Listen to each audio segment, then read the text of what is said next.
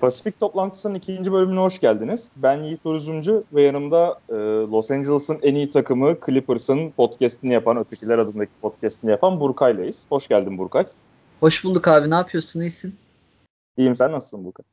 İyilik ya. Playoff falan yaptık biliyorsun. Biraz uzak kaldınız bu konulara ama biz de Golden State'le eşleşsek de iyiyiz yani. Sanırım Lakers Sacramento ve bir Orlando galiba. Orlando'dan sonra en uzun süredir playoff yapamayan takım NBA'de zaten. Evet evet. İşte 6 sene olmadı mı sizin en son? Bayağı oldu. Kobe'nin aşil koptuğu zaman. Hı hı. Evet şey de yaptı geçen sene Minnesota'da yaptı. Sacramento ve siz kaldınız. Orlando'da yapınca bu sene tabii. Aa Orlando yaptı doğru bu sene. New York kaldı bir de. 2013'te yapmış onlar da en son. ya zaten o da çok uç bir örnek şimdi. New York'la da sizi karşılaştırmayalım. Yo, ben diyorum geçen son podcast yapan dedim. Şu an Lakers'tan bir New York Knicks'leşme sürecinde yani ve neyse ondan bahsederiz ya. Daha detaylı gireriz oraya zaten. Ee, programımızdan bahsedeyim dinleyicilerimiz için.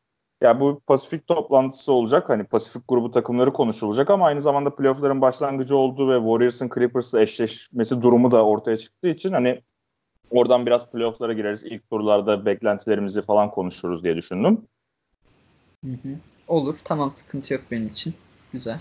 Ee, Lakers'a başlayalım. Yani, tamam başlayalım abi. İşte ben son podcast'ime şey demiştim işte. Mayıs'ta lotaryaya kadar Lakers gündemi donuk olur ve o yüzden çok konuşmayız diye düşünüyordum. Sonra bir bomba attı Portland maçından önce. Sen de okumuşsundur hani bu haberleri ve sen, sen ne düşünüyorsun abi Magic Johnson bu istifası hakkında? Oradan başlayalım. Başlayalım. Abi bir kere şunu kabul etmek gerekiyor bence. Magic Johnson başarısız başarısız bir genel menajerdi değil mi? Bunda hemfikiriz. Kesinlikle yani. Ben mesela geçen sezon biraz daha umutluydum Magic Johnson Pelinka yönetiminden. Ama 2018 yazının başladığı andan itibaren umutlarım böyle körelmeye başladı. Bu deadline, trade deadline, bu takas döneminin sonundaki olaylar, o son bir haftadaki olaylarsa Magic Johnson yönetimiyle hiçbir şey yapamayacağımızı inandırdı beni. Sen devam et burada. ya abi kesinlikle öyle. Şimdi yaza dönüyorum geçen yaza. Kurulan kadroya bakıyorum. uzun ya uzun zamandır kurulabilecek e, şimdi LeBron takımı diye düşünüyoruz değil mi biz Lakers sonuçta? Ya tamam Lakers ne kadar hani biz LeBron takımı olmak istemiyoruz dese de ya LeBron'un varsa LeBron takımı olursun. Bundan kaçışın çok zor zaten senin. Hı hı. Ya ona göre kadro kuracaksın. Sen şimdi bu takımın etrafına Michael Weasley'leri, Lance Stephenson'ların toplayarak ne yapabilirsin ki? Tavanı nereye çıkarabilirsin yani? Ya bak mesela şu örneği vereyim ufak. Ya Clippers Mike Scott aldı biraz değil mi? Ya mesela Mike Scott Lakers'a taş gibi bir ekleme olmaz mıydı yazın Lakers minimum kontrata Mike Scott alsa mesela? Ya bence çok Değil iyi ekleme olurdu. Sana iyi parça olurdu. Yani bunun gibi hani birçok örnek verilebilir bence. Ve bu yüzden kötü bir kadro planlaması oldu. Ve ben hani Magic Johnson'ı şu açıdan kötü bir menajer olarak adlandırıyorum. Mesela sürekli şey yapıyor. Hani gelecek yaz takıma bir süperstar ekleyeceğim. İşte şunu yapacağım, bunu yapacağım. Ya bence bir genel menajerin bu, bu kadar umut satmasına gerek yok diye düşünüyorum. Biraz Hı. gereksiz geliyor açıkçası bunlar. Zaten e, Jerry West'ten örnek vereceğim şimdi. Geçen Jerry West'le ilgili bir şey gördüm ben. Ya adamın mesela şey yok. Yani Magic Johnson diyor ki bir süperstar katacağız diyor. Mesela Jerry mesela Clippers'ın da Lakers kadar şansı var kontrat boşluğundan dolayı. Ama mesela bizden öyle hiçbir açıklama gelmedi Jerry West tarafından. Bu bence süperstarların kararlarını da etkiliyor ufak ufak. Tamam hani iddialı olmak güzel her zaman. Ama bu kadar da kesin konuşmak bence bir genel menajerin yapmaması gereken bir şey. Sen ne düşünüyorsun? Ya zaten orada şöyle bir şey var. Ya ben şey kısmından bakıyordum buna hani biraz daha doğal olarak hani Lakers taraftarı olduğum için iyimser olduğum konular vardı ve hani ben e, ukalalıktan çok rahatsız olmam ama arkasının dolu olması lazım hani o ukalalığın. Hani biz süperstar getireceğiz dediği zaman birinin ondan emin olması lazım. Hani ben hayata böyle baktığım için Magic Johnson'da bu LeBron ben gelmesini hiç beklemedim ve geldiği için biraz daha pozitif bakıyordum hani o sürece. Hani LeBron geldi, bu adam kendine çok güveniyor. Ama aslında biraz bir adım geriye çıktığında ve düşündüğünde ki bunu bu sezon çok yapma şansım oldu takım batırdığı için genel olarak. E, bizim bir önceki sürecimize baktığında Jim Bass'ın batırmasının bu Mozgov denk kontratlarını vermesinin nedeni kendine bir kısıtlı süre tanımasıydı. Ben 2-3 sene içinde Lakers'ı playoff takımı yapacağım yoksa ayrılırım dedi. Ve bunu yapmak için saçma sapan kontratlar verdi. Bunun yani, aynısı Magic Johnson'ın yapma potansiyelini gördüğüm için de korkmaya başlamıştım. Yani bu 2019 yazına Magic Johnson'a girersek ve mesela işte Kawhi diyelim ki Toronto'dan ayrıldı Clippers'a geldi. Ki bence favori burada Clippers olmalı. Toronto bence Toronto olmalı favori de hani Toronto'dan ayrılsa da Clippers olmalı. Hı hı. Hani böyle bir senaryoda e, Kyrie zaten Lakers'a gelme ihtimali milyonda bir falan bence. Böyle baktığında Durant zaten Lakers'a gelmesi ya, Warriors'a gitmesinden bile saçma bir hamle olabilir kariyeri için. Yani bu, bu senaryolara baktığımda Magic Johnson'da Jimbas'ın yaptığının aynısını yapmasını bekliyordum bu yaz için. Hani böyle bir korkum vardı. Onun dışında heh, ben mi? Yok abi sen devam et dinliyorum ben yani bunun dışında da e, nasıl diyeyim kadro planlaması konusuna gelirsek de yani bazı iyimser olduğum kısımlar vardı tabii ki de. Çünkü Lakers'ın mesela gençleri aslında iyi şut atan oyunculardı. KCP de çok iyi bir şut sezonu geçirmişti. Hani oyuncuların şut performanslarının bireysel olarak düşmesinin de etkisi oldu. Ben mesela diyordum ki Kuzma %37 ile üçlük atıyor. Geçen seneki Lakers takımda. E, LeBron gelecek daha fazla boş şut bulacak. Adam daha fazla boş şut buldu. Daha kötü attı boş şutları falan böyle hani. Takımın bireysel olarak gerilemeleri de oldu şut konusunda. Ama hani yine de planlamanın sıkıntılı olduğu belliydi. Bir de ben kendimi şey diye kandırmıştım. Çok hani en şey yaptım oydu. Hani bu oyunculara görevler kısıtlı olacağı söylendi ve sadece bu oyuncular bunları kabul etti. Hani sadece Rondo mesela tamam 9 milyon alayım çok da süreme takmayacağım dedi diye düşünmüştüm. Hiç öyle şeyler de olmadı sezonda gördüğümüz gibi. o yüzden hani kesinlikle başarısız bir genel menajer Magic yani. Ya bence de öyle. Tamam hani LeBron getirdi diyoruz ama e sen onun arkasını dolduramadığın zaman otomatik olarak başarısız oluyorsun. Ha ama şu konuda takdir ediyorum. Twitter, Twitter'da da yazdım zaten. Her genel menajerin örnek alması gereken bir davranış. Ya başaramıyorsan tam Magic Johnson'ın belki bırakma sebepleri farklıydı. Hani mutlu değilim. Oyunculara hmm. mentorluk yapmak istiyorumdu. Ama başarısız genel menajerlerin de mesela Ernie Granfield vardı işte Washington'ın menajeri. O da geçen gün kovuldu. Ya Aynen. abi olmuyor işte anladın mı? Yani bir yerden sonra da olmuyorsa zorlamayacaksın. Yapamıyorsun demek ki bu işi. Başka bir şey dene. Ya ne gerek var ki zorlamaya? İstifa etmeleri, doğru. istifa etmelerini doğru buldum o yüzden. İşte ayrılması. İstifa etmesi doğru ama zamanlaması çok ilginçti. Çok yanlış. Yani, ben, ben yanlış buluyorum zaten zamanlamasını. Ya zamanlaması istifa etme gerekçelerini sunduğu gerekçeler o kadar saçma ki. Yani bir kere konuşmanın ben 20 dakikasını dinledim. Yaklaşık 2 saat falan konuşmuş oradaki herkesle. Hani 40 dakikalık bir basın toplantısı mı ne yapmış? Ben 20-25 dakikasını dinledim. Hani mesela söylediği sözler o kadar çarpık ve hani daha önceki konuşmalara çatışıyor ki. Mesela işte hatırlıyorsundur. İşte biz Golden State'i Golden State topu oynayarak yenemeyiz. Biz işte set playmaker'larla, oyun kurucularla oynayacağız. Bas, başka bir basketbol oynayacağız falan demişti o zaman. Şu an dedi ki şutörler uzun kontratlar imzaladı o yüzden anlaşmadık. Ya bir set göre uzun kontrat imzalamadı. Brook Lopez uzun kontrat imzalamadı. Lakers'ta kalmak istiyordu Brook Lopez. Minimum aldı yani. Aynen minimum aldı. Mesela ben onu hep şöyle yorumluyorum. Brook Lopez Lakers'ta minimum kontrat imzalasaydı derdik ki Lakers'ta kalmak için minimum imzaladı. Brook Lopez işte D'Angelo Russell takasına Brook Lopez'in almamız iyi bir şey oldu. Hani bizim için fedakarlık yaptı diye sanacaktık en azından ama gördüğümüz üzere Milwaukee'den bile minimum kabul ediyormuş. Hani ve hani bu şutör he, şutör hikayesinde kendisi çarp, çatışan yorumlar yaptı. Sonra beni en sinir eden olay şu. Magic Johnson geldiği dönemde bu art yorumlarından bir tanesi şuydu. Ee, ben 9 tane NBA finali oynadım. Baskına karşı oynadım. Bu benim için bir baskı değil. Yöneticilik baskı hissetmiyorum yöneticilikte falan demişti. Şu an dedi ki çok baskı vardı üzerimde. Ee, zaten işte ne yapsam tempering cezası yiyorum ki haklı. Antetokounmpo'yu Milwaukee'de çok iyi bir oyuncu olacak. Milwaukee'ye başarılar sağlayacak dediği için 100 bin dolar ceza yemişti. Ama yine de hani tempering cezası yiyorum. Tweet atamıyorum. Şöyle yapamıyorum, böyle yapamıyorum dedi ve Magic Johnson ağırlığında bir insanın böyle şeyler söylemesi çok garip geldi bana. Millet işte duygusal yorumlar yaptı. İşte çok duygusal yaklaştı falan diyor da ben kabul etmiyorum yani. Bir Lakers'ın hatta yani Los Angeles Lakers'ın yöneticisi bu kadar da şov yapmışken ben baskıyı kaldıramıyorum diye ayrılıyorsa bu bir rezalet. Yani. Benim bakış açım bu. Doğru abi bir de hani şey de yanlış.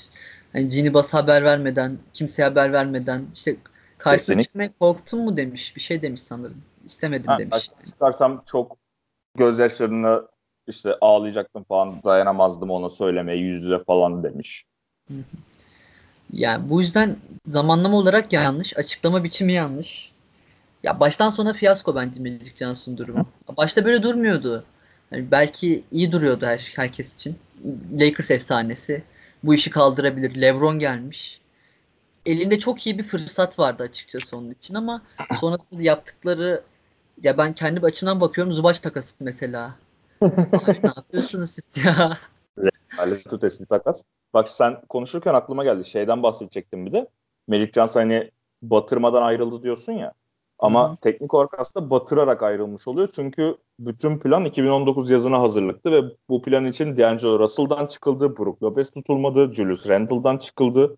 Tamam LeBron James geldi ama hani takıma çok fazla zarar verildi, çok fazla değer kaybı oldu ve bu değer kaybının telafisi sadece 2019 yazında ikinci süperstarı getirme olasılığıydı. Şimdi sen hani şu an telafisini yapmadı. Şu an sadece batırmış bir şekilde ayrılıyor Magic Johnson Lakers yönetimi. Yani Lakers genel menajeri değil de basketbol operasyonlarının başındaki adam olarak başarısız bir şekilde ayrılıyor. Ne takım playoff'a girdi.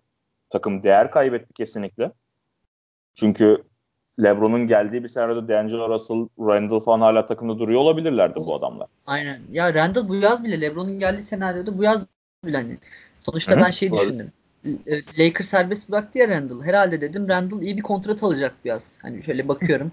Hani 4 yıl 48 mi işte 3 yıl o 40 mı o tarz bir şey alır diye tahmin ediyordum ama Pelicans'la bedava imzalayınca da 2 yıl 18 ki 2. yıl çıkışı var. 9 e, milyonda da Randall tutacaksın abi sen. Başka senin şansın yok ki. Böyle oyuncular her takıma lazım Randall gibi. Adam da taş gibi sezon geçirdi işte. İşte Randall'ın o zaman bu hani şeyler oluyor cap hold'ları oluyor ya kontratları biten oyuncuların. Cap evet. oldu 12 milyondu ve o zaman sö- söylenti şuydu 12 milyona 4 yıllık işte 4 yıl 48'e Lakers'la imzalamak istediğiydi. Şeyden bu da sezon başında hani şey iyi sezon geçirmeden önce Lakers bunu reddetmişti. Ben hatta şey diyordum 4 yıl 80'e bile okeyim. Randall muhteşem bir sezon geçirdi. Daha da üstüne koyacak daha 23 yaşındaydı falan filan diyordum. Yıllık 9 milyona Pelicans'ta Ya bir de insanlar şunu atlıyor. Tamam hani Lakers her zaman ikinci bir süperstar için boşluk bırakmaya çalışıyor. Bu zaten anlaşılabilir bir durum. Ama senin Randall tarzı oyunculara da ihtiyacın var ki e, kalbur üstü seni destekleyecek, o süperstarların yanında tutacak ve seni zirveye çıkaracak bu tarz oyunculara ihtiyacın var senin. E tam iki süperstar aldın. O zaman yanına 10 tane minimum adam dizip yine bir başarılı olamayacaksın ki sen. Olmayacak yani. O yüzden Randall konusu çok acayip ya.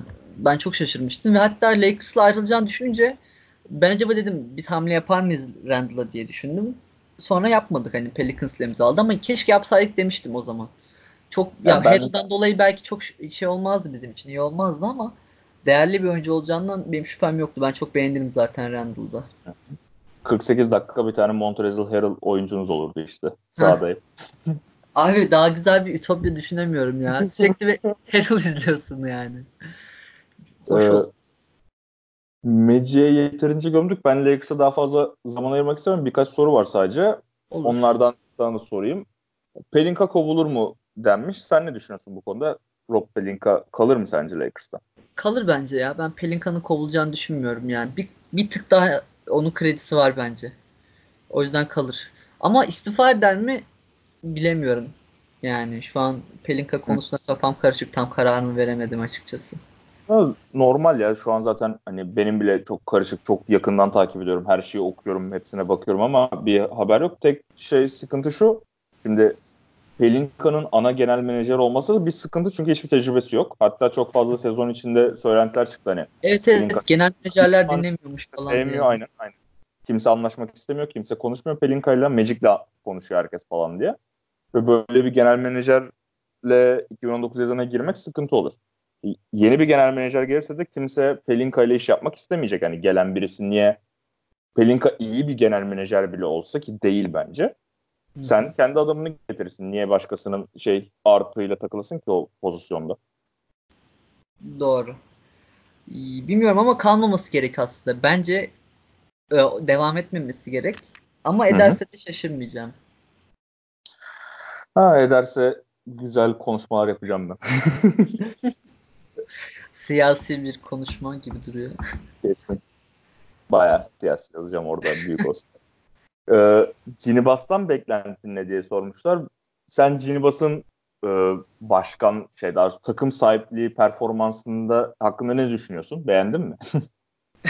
ya abi sonuçta ya Bas ailesi çok hani ben sen, sen benden çok daha iyi bilirsin tabii ki bu konuyu. E, çok başarılı dönemleri oldu ama son 5-6 yılda verilen kararlar rezalet tabii ki. İyi yönetilmiyor Lakers. Ya sıfırdan bir şey kuracak şeyin de yok artık anladın mı? Hani tamam dersin ki Lebron'un yok. Lebron'un olmaz. Takımdakiler olmuyor. Dersin ki tamam abi biz beceremedik bu rebuild işini. Sıfırdan başlayalım. Takaslayalım, pik toplayalım. Bir iki sene daha müsaade istersin. Buna da okey olur ama şu an öyle bir durum yok Lakers'ın. Artık 35 yaşında bir LeBron James'in varsa beklemeye de vaktin yok. Bu yüzden artık verilecek kararlar çok hassas ve hiçbir telafisi yok bence Lakers için. Düşünsene Lakers'ın gelecek sene playoff yapamadığını. Yani fiyaskonun ötesi olur artık bu. LeBron evet. James kariyeri için de öyle, Lakers camiası için de öyle. Bu yüzden çok titiz olmaları gerekiyor bu yaz. Bilemiyorum. Sen ne düşünüyorsun? Ya ben şöyle ki senin dediğin son 6 yıl hikayesi zaten şununla çok paralel. Jerry Buss 2012-2013 sezonunda vefat etti. Jim Bass geçti. Jim Bass beceremedi. Şimdi Ginny Bass da beceremiyor. Çünkü bu insanlar bu pozisyonlara çabalayarak değil, tepeden inme bir şekilde indiler. Jim Bass'ı biraz daha yetiştirmeye çalışmıştı Bass ama ikisi de başarısız oldu genel olarak. Ve ben Ginny Bass'ın da e, kısa vadede de başarılı olduğunu düşünüyorum. Uzun vadede de başarılı olacağını düşünmüyorum. Çünkü bunu hatta bugün Zeklo podcast'ini dinliyordum. Onlar da konuşuyorlardı. Hani Bass Lakers için de büyümüş birisi. Hani sadece Lakers ortamını biliyor ve şu an her sıkıntı yaşadığında çevresini daha da daraltıyor. Yakında işte Lakers podcastlerine falan da konuşuyordu. Hani yakında böyle ona şey çok saçmalıyorsun diyecek kimsesi yok büyük Oscar etrafında şu an. Doğru.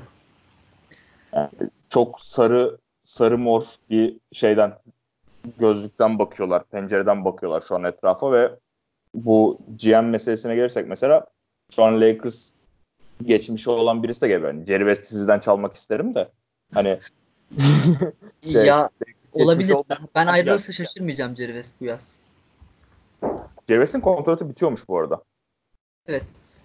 Ya ama şöyle Hı. bir şey de var şimdi. West açısından bakıyorum olaya. Şimdi biraz konu sapacak ama bir şeyler Hı. inşa etmeye başlamışken hmm, tekrar riske girmek ister mi emin değilim açıkçası. Ve Steve Ballmer'la çok iyi anlaşıyor. Ya bizim Hı-hı. takımın sahibiyle. Aynen. Ama hani Lakers sonuçta anladın mı? Aklı çelinebilir adamın da sonuçta. Yani Lakers'ı düzeltmek şu an onu zaten genel menajerlerin go-to gibi daha da Hı-hı. üst seviyeye çıkartır. Umarım ayrılmaz ama ayrılırsa da üzülürüz arkasından bir el sallarız. Dedemizde yapacak bir şey yok. Ve oğlu Ryan West zaten Lakers'ın bu scouting departmanında bir görevi var. Tam emin değilim şimdi. Jesse Bass mı o scouting departmanının başında Ryan West mi emin değilim de. Hani zaten Lakers yönetimi içinde oğlu da. Kendisi de gelmek istemişti. Daha önce konuşmuştuk bunu zaten. Hani ama Lakers reddettiği için bence şey yapabilir ya dediğin gibi çok oturmuş bir şey var, düzen var şu an Clippers'ta ve tam işte o son böyle çiviyi çakacaksınız ve her şey oturmuş olacak yani. O ne bileyim tablo oturacak yani yerine. Bu yaz Lakers'a gelmesi çok saçma olur. Ya bence de onu... öyle. Bir de şey de olabilir. Hani Lakers onu istemediği için gitmek de istemiyor olabilir şu an. Hı hı. Aynen. Yani o zaman hani tamam Jerry West istemese Lakers veya Jerry West Lakers istemese okey ama reddedildiği bir ortamla tekrar anlaşmak istemezse de kimse bir şey diyemez sanırım Jerry West'e. Katılıyorum oraya. GM adayları kimler diye sormuşlardı. Orada ben iyi bir aday görmüyorum genel olarak. David, David Grip, Grip geçiyor. Grip, Aynen. O var. Yani Cleveland'ın eski genel menajeri o 2006 şampiyonluğunda falan. Öyle bir senaryo olabilir. Yavaş Ama... yavaş LeBron James etkilerini görmeye başlıyoruz zaten. Aynen herhalde şey olacağız yakında işte. Los Angeles LeBrons falan olacağız. Hani genel menajerimiz David Griffin olacak. İkinci süperstar Kyrie'yi alacağız. Koşuda Tyronn Lue yapacağız herhalde. Hatta Los Angeles Cavaliers falan oluruz yakında. Sene sanki 2016 oldu valla. Bilmiyorum ya. Kyrie garip bir adam. Gelirse şaşırmayacağım bu arada Kyrie için. Ben çok şaşıracağım. Onun kafasının nasıl işlediğine dair bir fikrim yok çünkü benim. hani şöyle olabilir tamam mı? Hiç Lakers yok aklında. Bir sabah uyanıyor böyle kahvaltı yapıyor. Diyor ben bir Lakers'la imzalayayım bakayım ne olacak. Arıyor ben Lakers'la imzalayacağım deyip Lakers'la bile imzalayabilir yani. E, tabii o biraz da Boston'ın Davis durumuna bağlı. Ama Kyrie'nin kafası garip çalışıyor. O yüzden normal karşılıyorum ben. Fark, değiş, değiş, e, Lakers'a gelirse. Abi, bu kadar yeter fazla bile Lakers'a ya. O kadar. Sen daraldın zaten bir Lakers Abi, yani şey böyle adım adım düşünüyorum olayları falan. Hani her aşamada deliriyorum yani. Ne bileyim. Ben Türkiye'de yaşayan bir insan olarak nasıl daha fazla şey görebiliyorum abi. Neyse tamam buraya geçiyorum ya. Sinirleneceğim tekrar. Şey e, Kings'e geçelim abi. Sacramento Kings'e biraz da güzel şeylerden konuşalım. Abi Sakra... güzel şeylerden konuşacağız da Jörger'i kovmuşlar ya. Siz ne istiyorsunuz ya? Aynen. Zaten o da komedi oldu. Tam hani şey haberler böyle küçük küçük çıktı. Neyse oradan başlayalım. Önce benim nefret ettiğim Wojnarowski artık iyice iğrenmeye başladım. Şey diye tweet Çok attı. arsız bir adam zaten o artık. Abi yani. yüz yüze Divac yüz yüze görüşecek ve kovacak diye tweet attı. Çünkü dünyada telefon hiç kullanılmayan bir alet. Kimse sosyal medyaya asla bakmıyor. Ve büyük olasılıkla Yogur'da o görüşmeden önce haberi olmayacak bu şeyden hani. Ha bu kadar yani o haberi ilk yapacağım diye delir yani o kadar saçma bir hareketti ki. Zaten ben not alırken Yorgur'u kovma ihtimalleri diye not almıştım. Podcast'e gelene kadar kovuldu. ya çok kötü hamle bir kere Sacramento için. Siz bu ya takımdan beklentiniz neydi ki bu adam bu adamı niye kovuyorsunuz? Sezon içinde şey çıkmıştı işte e, Marvin Bagley az oynatıyor diye e, front office sinirli ve biz kovmak istiyoruz. Kovacaklardı hatta. Sonradan Yorger kaldı. Ama sonra Bagley de oynadı bayağı. 25-30 dakika oynuyordu çocuk sezon sonu. Ne kadar oynayacak ki daha? Yo, iyi süre alıyordu zaten. Genel olarak Kings de süreleri dağıtan bir takım. Şu an tam istatistik emin değilim ama 30 dakika üzeri böyle bir oyuncu falan süre alıyordur sadece. Abi zaten King bu sezon gerçekten çok tatlı bir takımdı. Ee, ben izlerken çok keyif aldım. Onları playoff potasının dışında tutan şey veya uzaklaştıran şey tamamen tecrübesizlik, tecrübesiz olmaları ve maç sonunda takımın ne yapacağını bilmemesiydi. Ya bunu da koçu yazamazsın ki sen. Takımın yaş ortalaması 23-25. Takımın lideri senin ikinci senesini geçiren bir çaylak. Fox da zaten 40 maç 50 maç sonra fiziken düştü çok normal olarak tabii. E, Buddy Hield kariyer sezonunu geçiriyor. E, Bielitsa'dan verim alıyorsun. Daha ne istiyorsunuz ki? 40 galibiyet almışsınız. Çok kötü o yüzden. Gerçekten koç olarak kimi getirecekler bilmiyorum. Hani Walton ihtimali konuşuluyor. İşte Lakers kovarsa falan. Aynen. Messina gördüm bir. Bir de Monty Williams gördüm. Hani Monty Williams falan getiriyorlarsa kapatın gidelim yani. Boş ver Sacramento. Onları söyleyecektim ben. Sam Emmik söylemişti Atletik'te yazarı. O demiş hani Luke Walton şey Monty Williams ve e, şey Ettore Messina bak söyleyemedim. Messina'nın hani şey olacağı adaylardan olduğu söylenmiş. Ben şeyi bekliyorum burada ya. Çünkü ben bunu Russell muhabbetinde de yapmıştım. Sezon başı yani Russell muhabbetini daha önce yapmıştım. Randall muhabbetinde bu sezonun başında ilk podcastler falan yapmıştım. Yani Randall'ı herkes çok iyi oyuncuymuş. Aa çok iyiymiş diyecek. Geçen sezon aynı top oynayacak falan demiştim. Sacramento'ya giderse Luke Walton aa ne kadar iyi bir koçmuş diyecek herkes. Ben bunu bekliyorum. Umarım gider Sacramento. Ya ben ya, bu seneye kadar zaten Walton'ı çok gömen bir insan değildim. Bu sene de açıkçası çok fazla günah yazmak istemiyorum Walton'ı. Çünkü bu kadar toksit ve zehirli bir ortamda soyunma odası zehri var bir kere. Ya zaten bu oyuncu grubuyla bir başarılı olmak çok zor değil mi sence de? Zaten çok komedi orada. karakter var. İşte sadece karakter bile değil. Bu adamların oyunları uyumsuz olduğunu herkes söyledi. Bütün işte blogcular, genel menajerler, yorumcular herkes söyledi. Ama Luke Walton bu kadrodan verim alamadığı için eleştiriliyor mesela. Bu bana komik geliyor. Çünkü hani Mesela Brett Brown da çok eleştirilen bir koç. Ama hani genelde eleştirdiğimiz koçların çok net bir ortak noktası var. Kadroların uyumsuz kadrolara sahip koçları eleştiriyoruz. Hani insanların bence bunu fark etmesi lazım biraz.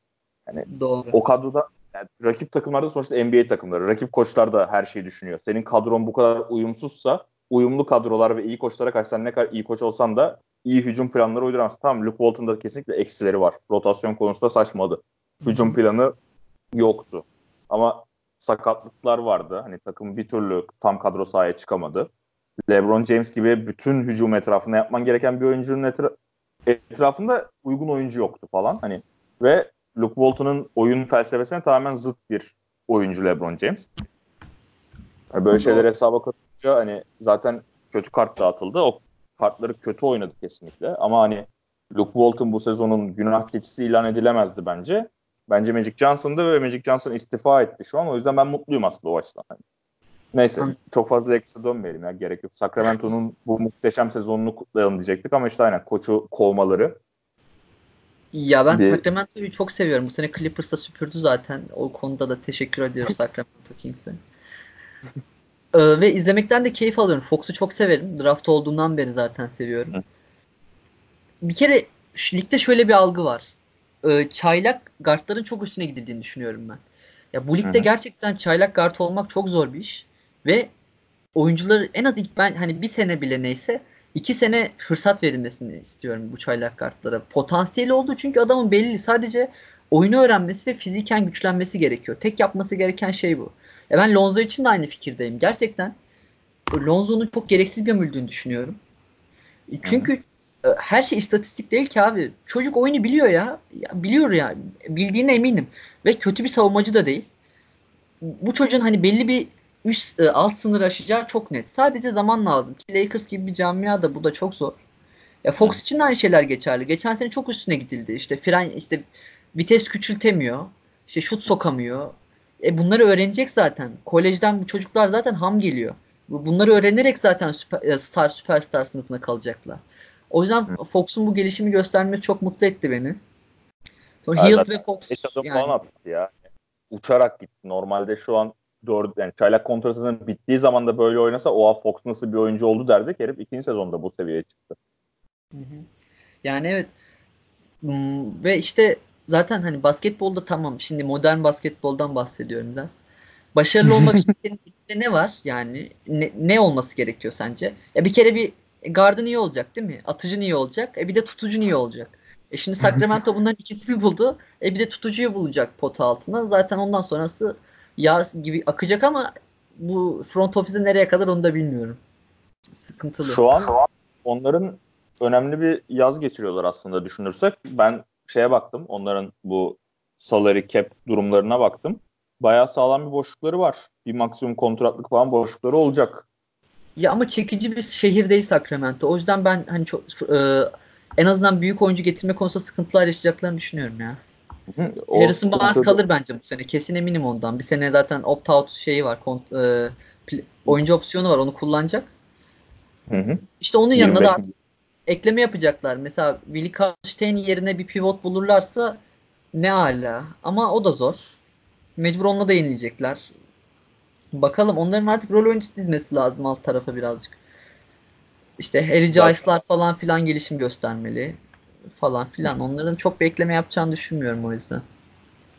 Zaten dediğin gibi etrafa rol oyuncuları gerekiyor. Düşünürsek ben Sacramento Kings'i daha çok deadline'dan sonra yakından takip ettim. Hani sezon başına birkaç maçlarını izlemiştim ama yakından takip ettim. Daha böyle deadline sonrasıydı. Şey, Harrison Barnes takasından sonra ritim kaybettiler mesela. Shumpert gitti, Harrison Barnes geldi. Onlar birebir takas olmamışlardı ama şey, hani o dönemde yani takımın dış savunmacı diye bir şey kalmadı. Zaten dediğin gibi Willie Holstein içeride ki o da draftta geldiğinde iyi bir savunmacı, elit bir savunmacı potansiyelli olarak gelmişti ama çok kötü bir savunmacı. Pozisyon bilgisi falan kötü. Çok Felaket elit bir ya. Sahada çocuk nerede duracağını bilmiyor zaten. Sıkıntısı çok o. elit bir atlet ama. İşte oradan kapatıyor arada. Hücumda iyi kapatıyor ama savunmada rezalet bazı açılardan. Ve hani orayı doldurmaları gerekiyor cidden dediği gibi rol oyuncularıyla böyle daha sert oyuncularla doldurmaları gerekiyor gibi duruyor.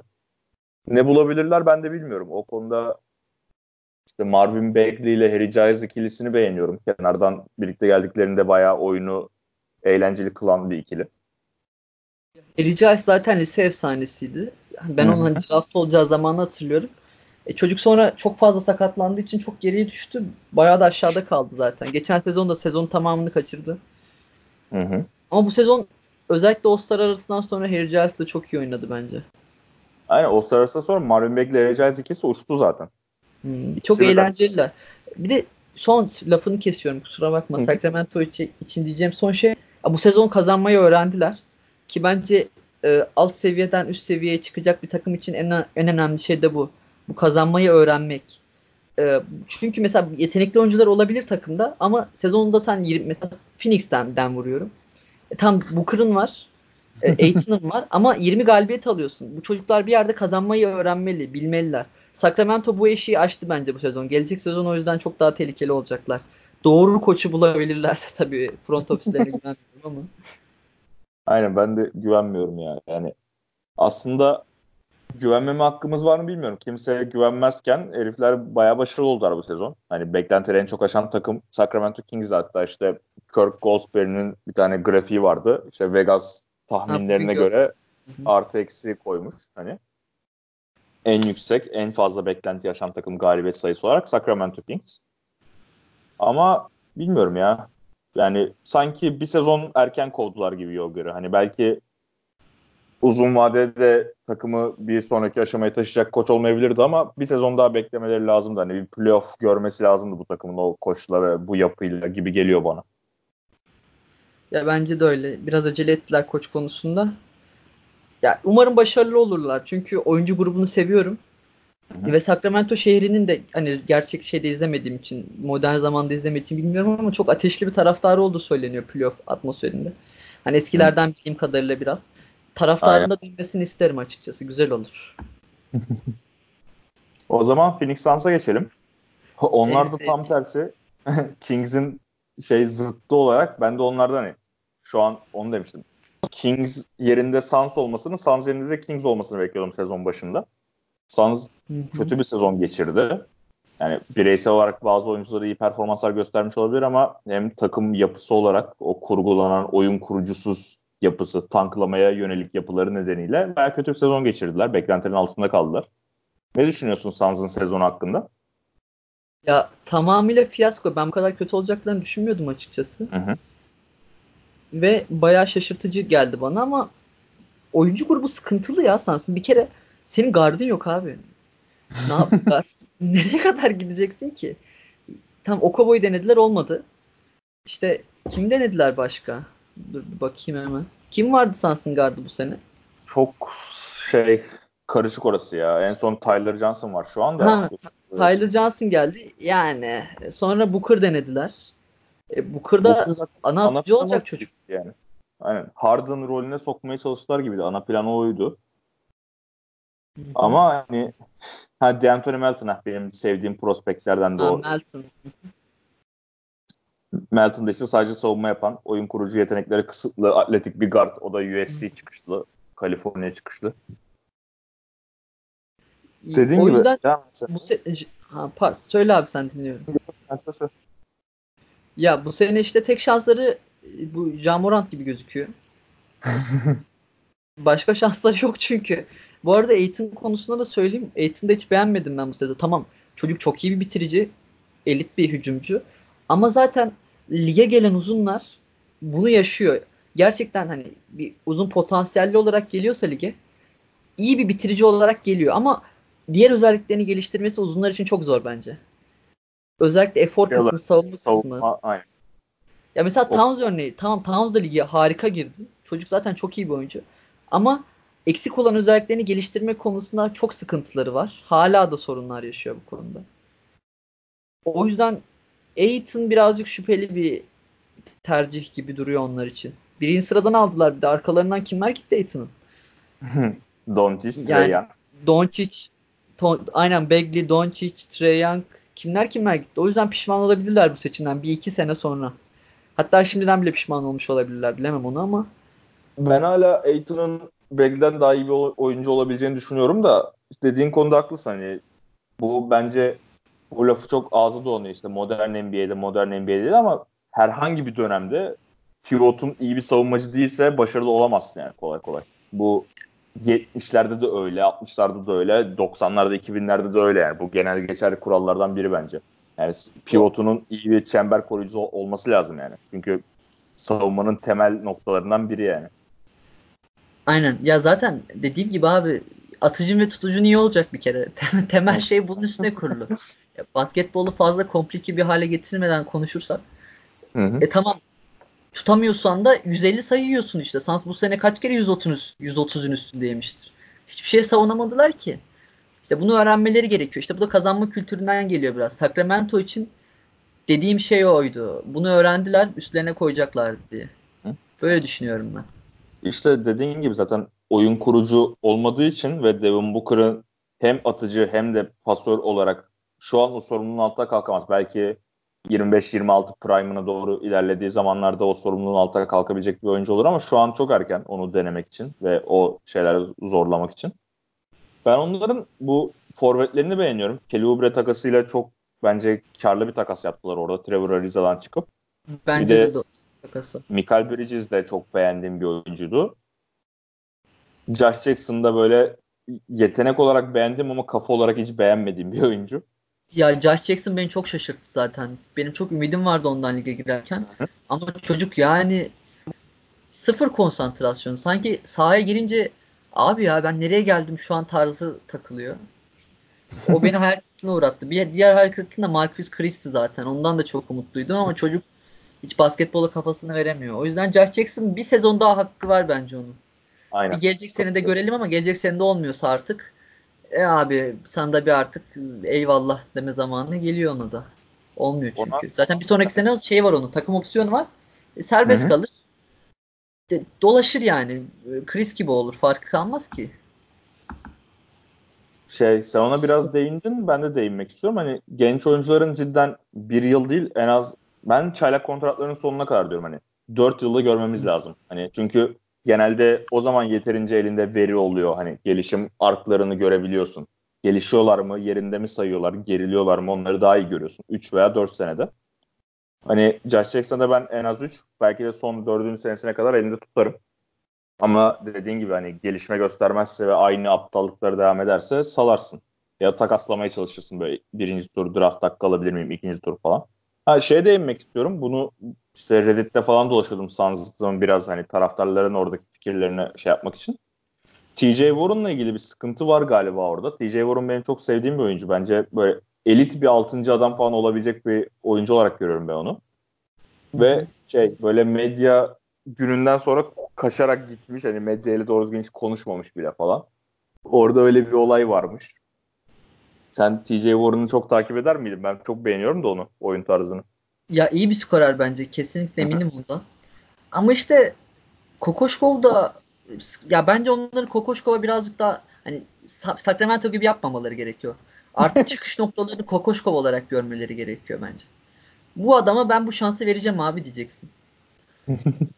O Yani dedikodular çıktı. Kokoşkov'un kovulma ihtimali falan dedikodular çıktı ki çok saçma yani. Daha bir sezon oldu yani. Ya ki bu takımla bir şey inşa etmek çok zor ya. Sen de farkındasındır Hı. zaten. Hı hı. O yüzden zaten kaç tane koç kovdular senelerce. Kimleri kimleri denediler. O yüzden Kokoşkov'a sen fırsat vermek zorundasın. Bu franchise'ın başka çaresi yok. Ki benim Phoenix e, gerçekten NBA takip etmeye başladığım 2005-2006 zamanlarında gerçi en sevdiğim takımdı benim. İzlemekten en keyif aldığım takımdı. Hani renkleri olsun, oyun tarzları olsun, o D'Antoni'li pace, pace and space olsun, koş koş atları olsun. Çok tatlılardı. O yüzden Hı. üzülüyorum biraz da hallerine. Phoenix'in eski haline dönmesini çok isterim ben ya. Umarım bir gün dönerler. 8 senedir sürünüyor. 8 senedir tanking yapıyorlar. Ellerinde hiçbir şey yok adamların hala. Bu konuda Evet. öyle. Phoenix'i de kapatabiliriz böylece. Olur. Şimdi asıl civcivli konuya geçelim. Burada iki takımı aynı anda Clippers. Olur. Warriors Clippers. Bir kere önce tamam Clippers'a başlayalım abi. Sen bir Clippers'ı öv bence. Çok hak Olur. et bu sezon. ne düşünüyorsun Clippers'ın sezonu hakkında? Abi ben şimdi e, geçen sezon biz 42 galibiyet alınca bu sezona dair hype'landım tabii ki. Çünkü biz geçen sene o 42 galibiyeti kimlerle aldık? Düşünüyorum. Javon Evans'larla aldık. Sindarius Cornell'lerle aldık. Onunla bununla yani aldık. Bu yüzden bu sezona dair hype'ım vardı benim sezon başında. Ve 33 galibiyet yazınca bize Vegas olsun, Barkley olsun, Obo olsun. Ben gerçekten güldüm. Çünkü bu takımın sahaya formaya atsan 33 galibiyeti geçer bu kadrosu. Çok belliydi yani. Barem çok düşükten açılmıştı. Ve o yüzden de benim açıkçası bu performansımız aş- aşırı derecede şaşırtmadı beni. Ben zaten bu takımın bir, bir şekilde playoff yapamasa bile ucundan kıyısından kaçıracağından emindim ve 45 galibiyet bandına ulaşacağından emindim. Bu yüzden mutluyum. Ve şu konuda da mutluyum. Sahada ben mesela bu sezon 65-70 tane Clippers maçı izlemişimdir normal sezonda. Çok ekstra saatleri abuk subuk olan maçlar hariç ya da sınavım olmadığı günler hariç her maçı izlemeye çalıştım. Ve o maçı iz- izlerken her zaman şunu biliyordum. Yani bu takım yeteneği yettiği oranında bu sahayı, bu mücadeleyi verecek sahada. Bundan emin olduğum için içim çok rahattı. Kaybetsek de kazansak da çok rahattım. Bu yüzden mutluyum ya bayağı. Keyfim yerinde bu konuda. Tamam Golden State ile eşleştik falan ama playoff yapmak çok eğlenceli bir şey. Özlemişim. Sanki gören de böyle yıllardır 6 senedir playoff yapamadığınız falan sanacak. Başka Los Abi Angeles 6 senedir yapıp bir sene yapamayınca çok özlüyorsun ama o heyecanı tadıyorsun ya böyle bir. İçinden bir ateş fışkırıyor her playoff'ta. Ve ben playoff zamanı gerçekten psikolojisi bozuk olarak geziyorum. Her maçı kafamda 10 kere oynarım. Okulda şey yapardım lisede. Bir tane benim Chris Paul formam vardı. Adını da anmak istemiyorum şimdi. ICS. Neyse. Playoff zamanları okula onu asardım ya. Arkada böyle şey asma yerleri vardı Hı hı. e, böyle mont asma o forma dururdu orada yani ve herkes bilirdi ki Clippers'ın maçı var ve Burkay onu oraya asıyor. Buydu yani sebebi tamamen benim oraya asmam. Herkes de çok hani sevdiğim biliyor zaten benim. E, özel hayatımda da insanlar bilir. Arkadaşlarım da bilir. bu yüzden mutluyum bayağı ve bu takımı da çok seviyorum. Sen ne düşünüyorsun? Bizim iz, biz izlediğin kadarıyla neler düşünüyorsun Clippers'a dair? Ee, Önce sen o şey playoff dönemi falan deyince aklıma şey geldi. Benim son böyle heyecanlandığım sene 2011 senesiydi playofflarda. O işte Dallas'ın içimizden geçip 4-0 süpürdüğü sene.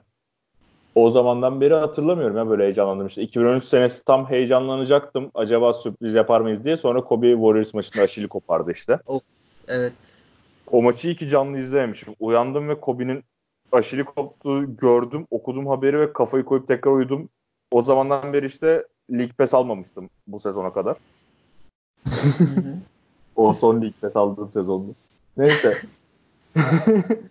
şey Clippers'a gelirsek ya dediğim gibi ben en çok bu sezon Kings'i izlemekten zevk aldım ama ondan sonra Clippers vardı. Hatta sezon başında Memphis falan da çok keyifliydi. Sizin Memphis maçlarınız falan çok keyifliydi. Clippers Memphis maçları sezon Evet başında. ya biz Zach Randolph Griffin dövüşüyordu her maç. Yok yok bu sezon. Bu sezonun başındaki Clippers Memphis maçları. O Aa Memphis evet evet tamam. zaman Hı hı. şey o dönemde falan çok hoşuma gitmişti. Clippers'ın dediğin gibi en çok yani şimdi biz Türkiye'de maç izleyen insanlarız ve biz cidden yani uykumuzdan çalarak bu takımları izliyorsun. İzler izliyorsak efor gösterdiklerini görmek isteriz. Yani ben uykumdan fedakarlık ediyorum. Sen de bir zahmet kıçını kaldır da biraz efor göster. Hani bu yeterli bence ve Clippers'tan bunda asla şüphen olmayacağına emin olacağım takımlardan biri.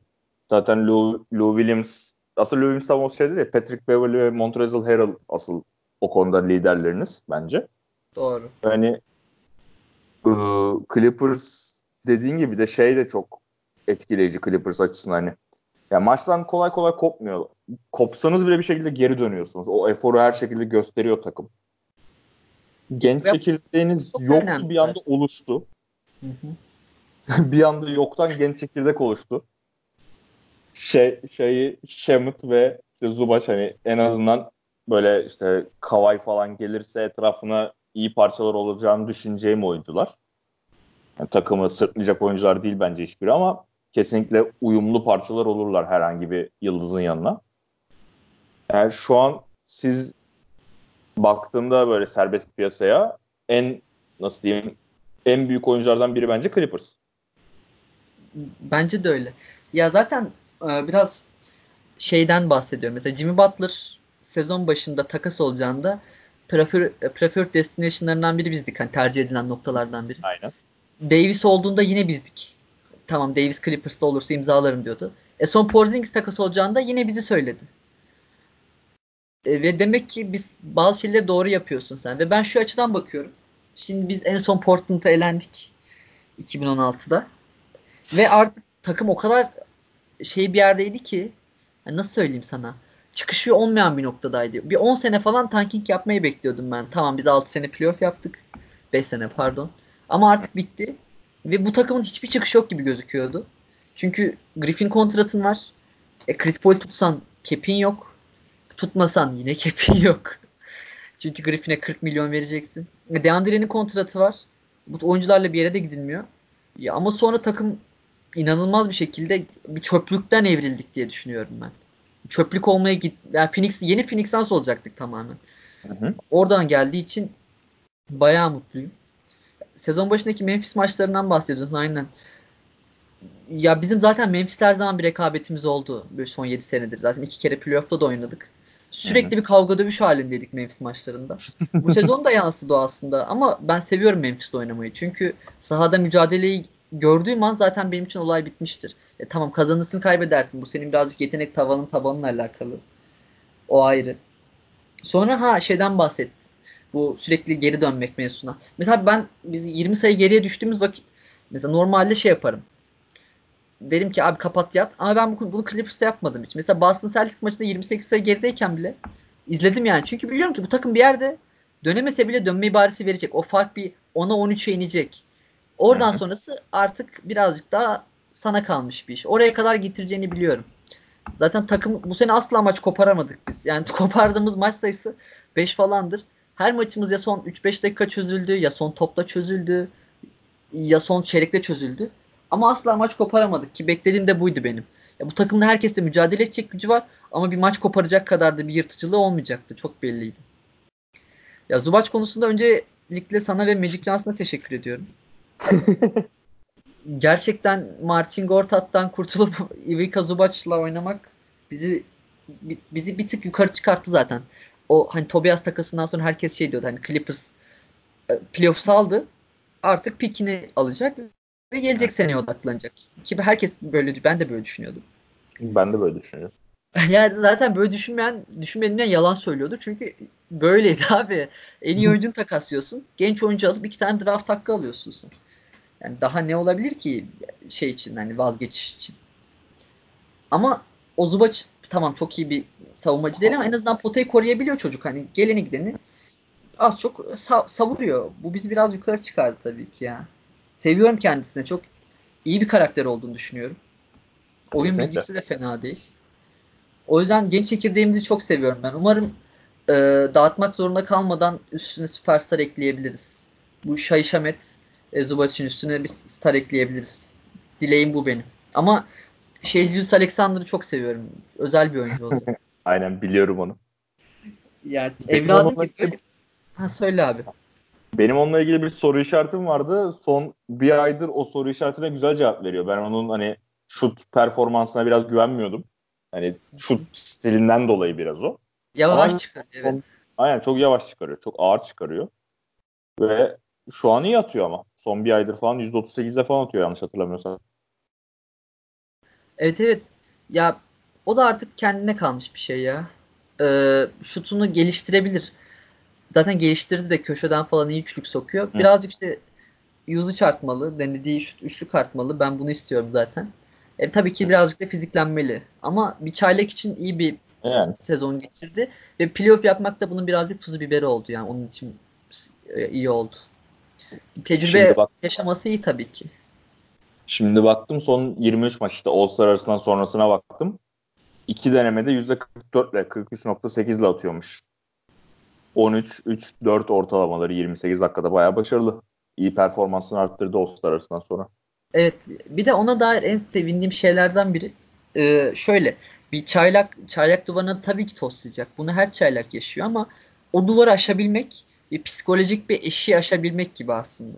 E, tam o duvarı aşabildiği zaman ha tamam diyorsun bu çocuk psikolojik anlamda bir, bir şeyler yapabiliyor.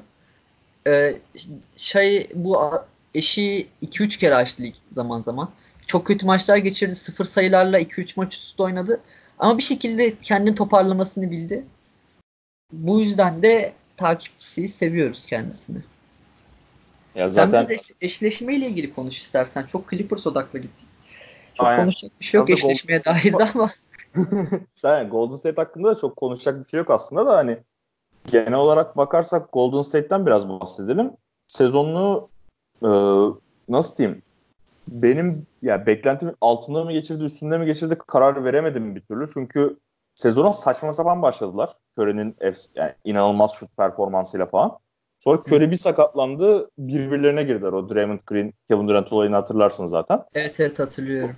Sonra Curry döndü. O olaylar duruldu. Neyse biz kazanacağız moduna girdiler. Sonra Cousins geldi. Takım bir heyecan yakaladı. Sonra Cousins'la düştü. Hani sezon içinde böyle 8-10 kere bir türbülans yani durmadan bir iniş çıkış iniş çıkış falan yaşadılar.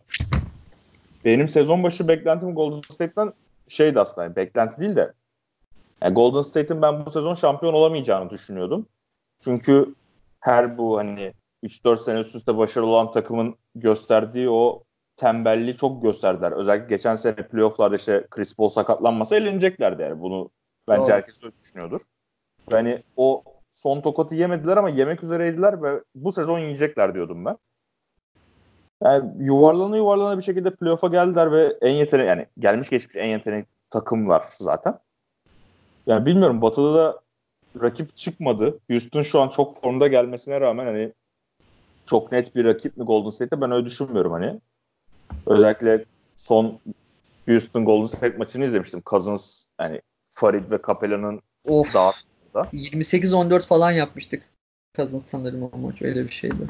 8-7 mi? Böyle 7 asist falan işte. Durant yoktu. Posta oynadı full. Durmadan posta top aldı. Birebir de ezdi falan. Ki yürüyemiyor yani şu an zıplayamıyor. Ona rağmen ezdi. evet. Yani ya Warriors'a dair elenir mi diye düşünüyorum. Bence bu sefer yolları bir tık daha zor. Hani geçmiş senelere nazaran. Özellikle ikinci turda Houston'la oynamak bence Golden State için biraz sorun. Tam şimdi konferans finalinde oynayınca zaten birazcık ısınmış geliyorlardı. Ve geçen sene Utah, Utah mı elediler geçen sene? Ha yok. Kimi elediler ya? Geçen sene hatırlayamadım. Dur bakalım. İlk tur Spurs'u geçtiler. Ah, evet. Batı finali Houston. Arada kimdi? Bak ben bunu. Dur bakalım hemen. Seri hiç mi takmamışız ya? Pelicans, Pelicans kesin Pelicans. Pelicans. Değil ya mi? kolay bir yolları vardı yani. Bu sene ama bilmiyorum. Üstte Rockets ve Oklahoma ile oynamak onları zorlayabilir. Ki Oklahoma'nın da çok iyi bir takım olmadığını düşünsem de Golden State'e ters gelecekler diye tahmin ediyorum. Tahminim o yönde. Ben Oklahoma'nın oraya kadar çıkacağını düşünmüyorum ya. Bilmiyorum. Ya bence çıkarlar abi ya. Ya ben Oklahoma'nın Portland'ı çok rahat geçeceğini düşünüyorum başta. 4-1 ya 4-2. Sağ avantajı olmamalarına rağmen. Çıkan seride de Denver ve Spurs. Denver gelse de Oklahoma'nın ağır basacağını düşünüyorum o seride. Yani Houston'da falan oynasalar zaten direkt elerim. Ama Hı. yolları bence basit. Bir nebze tabii ki diğer şeye nazaran yani. Neyse şimdilik ilk turları değerlendirelim sadece. Belki sonra şey yaparız tekrar. Yani Golden State Clippers serisinden beklentin ne? Yani Be- beklentim bir maç almamız. Yani isteğim bir maç almamız. Ben eminim şeyden. Ya bir kere beklentim sahada bir dövüşelim biz bu Golden State'le. Bir seyirciler bir bizden nefret etsin. Beverly bir Curry'i it- itişsinler. Harold Draymond'la bir kavga etsin mesela. Wilson Chandler Durant'le kavga etsin. Öncelikle kan istiyorum. Seriden ilk beklentim bu. İkinci olarak da Golden State'e nasıl karşı koyarızın bir antitezini üretemiyorum kafamda bizim takıma dair ki ben bizim tamamen bir normal sezon takımı olduğumuzu düşünüyorum. Çünkü en iyi 3 oyuncundan ikisi bench'ten geliyor. Harrell ve Lou Williams. E playoff'ta bunu yapamayacaksın zaten. Orada bir fark yaratamayacaksın. Zaten Harrell da Lou Williams da 35 30 35'er dakika oynayacak. Mecbursun çünkü onlar üretemiyorsun bir yerden sonra. O yüzden en azından böyle şöyle bir iç sahadaki maçlarda çekişme görelim. Kaybetsek bile. Zaten e, kaybetsen bile bu takım şey yok yani. sana neden Golden State'e kaybettin diye kimse çıkıp soramaz yani. Çünkü Golden State'le oynuyorsun. Mücadele istiyorum sadece ya. Normal sezonda gördüklerimin aynısını playoff'ta görmek istiyorum. Tek diyebileceğim bu galiba. Senin beklentin ne? Ben de benim zaten tahminimde 4-1 Golden State. Hani bir maç alırsınız diye düşünüyorum. Sadece o saf efor nedeniyle. Çünkü Golden State'in hele ilk turda o eforu karşılayacaksın hani eşleşebileceğini düşünmüyorum o kadar eforu karşılayabileceğini düşünmüyorum. Onun dışında da şey yani Golden State için bir ısınma serisi olacak. Bence Golden State için de iyi olacak çünkü Clippers'ın sertliğini eş yani Clippers çok sert bir takım olacağı için karşısında onları biraz daha playoff moduna sokabileceğini düşünüyorum. Mesela o ısınma turunu hızlı geçip Houston'a daha bir de şimdi Utah Houston serisinden de biraz bahsederiz de orada Houston'ın geleceğini düşünecekler ve zaten daha hazır girmeleri gerektiğini düşünecekler. Çünkü en büyük rakipleri Houston diyebiliriz Batı'da. Doğru. Ve Clippers'ta çok güzel bir ısınma serisi olacak onlar için yani. Çünkü dediğim gibi hani siz savaşçı bir takımsınız. asla geri adım atmayan bir takımsınız. 20 sayı geriye düşse bile takım bir şekilde geri dönmeyi başarıyor. Bir 5 dakika rakibi kilitliyor, 2-3'lük sokuyor, bir şeyler oluyor. Lou Williams faal oluyor. Geliyor takımı yani ortaya tekrar getirmeye başarıyorsunuz. O yüzden ben iyi bir ısınma serisi olacağını düşünüyorum Golden State açısından bu serinin. Doğru. Yani senin de tahmin o zaman 4-1 mi? Ya benim tahminim aslında 4-0 ama isteğim 4-1. Benim tahminim 4-1 ya. Ben sizin bir maç alacağınızı düşünüyorum. Sezon içinde de baktım 3-1'miş. Sezonda 4 maçta 3'ünü Golden State almış. Bir maç almışsınız. Abi zaten 3-1 ama bir maçı biz öyle bir şekilde verdik ki izlesen hem mesela herhangi bir takımın taraftarı böyle bir maç kaybetse 3 gün depresyona girer. 23'te 18 üçlük atıp maçı kaybettik Curry'nin game winner'ıyla. Şey, Lou Williams'ın gözünü çıkardığı Ha, maç hatırlıyorum. Draymond Green, Lou Williams'ın gözünü çıkardı o maç ve hiçbir Aynen. şey çalınmadı. Yok. Raymond değil, Curry çıkarmamış mıydı? Curry çıkarmış.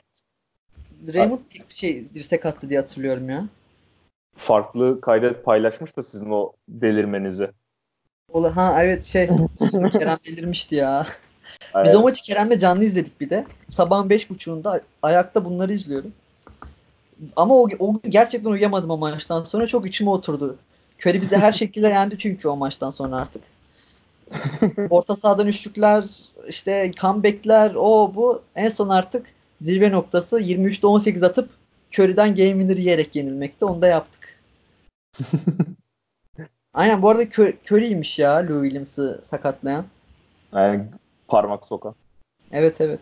Ve şeyi hatırlıyorum çünkü onu neyden hatırlıyorum? Golden State tarafından izliyordum ben maçı ve Golden State yorumcusu o pozisyonda faul olmadığını söylemişti. Ya bu yorumcular çok taraflı zaten. Hoşuma Golden gitti. State Mesela bayağı kötü ya. Ralph Lawler vardı işte bizim emekli olan 40 hı, senelik aynen. genç. Adam sıfır taraf ya. Bi- Biz game yesek de bingo diyor. Atsak da bingo diyor. Olması gereken bu bence. Çok fazla taraflı yayın izlemeyi sevmiyorum o yüzden. Ya Lakers da bu konuda iyi olan takımlardan biri olduğu için ben de hani taraflı olunca çok batıyor benim. Kulağım çok tırmalıyor yani. Çünkü Lakers taraftar yani Lakers yorumcuları da Lakers oyuncular çok gömüyor kötü oynadıklarında. Böyle hakemler saçma fauller çaldığında hani Lakers'ın lehine olsa da neyse ya kurtardık bak faul faul yaptı aslında. Hani net bir şekilde söylüyor hepsini. O yüzden dediğin gibi ya çok tırmalıyor taraflı bir yorumcu olunca. O yüzden League Pass Premium artık en pahalı şeyi alın. Orada istediğiniz gibi değiştirebiliyorsunuz. Reklam yapalım. Evet evet ben de League Pass kullanıyorum zaten. Ralph Lawler'dan dinliyorum genel olarak. O da son iki maç işte dün ya dün şey çok komikti ama. Bill Walton geldi La- Lawler'ın yanına işte yardımcı yayıncı olarak. Yemin ederim sarhoş. Böyle bir şey olamaz ya. Bir konuşuyor. Dedim bu adam ne anlatıyor? Bir de yayına bir tane viski getirmiş yanına Gentleman Jack yazıyor üstünde. Viski şişesini gösterdi diyor ki ben diyor Jack Daniels'a söyleyeceğim diyor bunu Gentleman Ralph yapsınlar diyor. İsmi değişsin diyor. ya abi sarhoş adamı getirmişler oraya. O zaten kafayı kırdı gibi birazcık. Bill Walton şeydir ya zamanın hippilerinden. O Evet bayağı evet. kafalar yani. İyi bir yayın oldu ama dün. Şimdi Ralph Law- Bolton yani kafamın içinde hala yankılanıyor o konuşmaları. Bir saçma bir şeyler oldu. Grayson Allen'dan 40 yememiz bile o kadar rahatsız etmedi beni yani öyle söyleyeyim ben sana.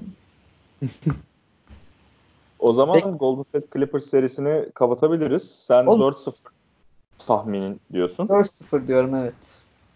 Ben orada 4-1 bekliyorum ya. Sağ ol abi ya bir maç verdin. Teşekkür ederiz. Ee, Denver San Antonio'ya geçelim. 2-7 eşleşmesi.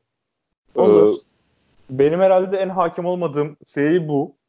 En az takip ettiğim takımlar. Denver'ı biraz daha takip ettim. Spurs'u çok çok az takip ettim. Ee, genel olarak baktığımda hani oyunculara işte sezon içi yorumlara falan baktığımda ben Denver tarafını tutuyorum bu seride.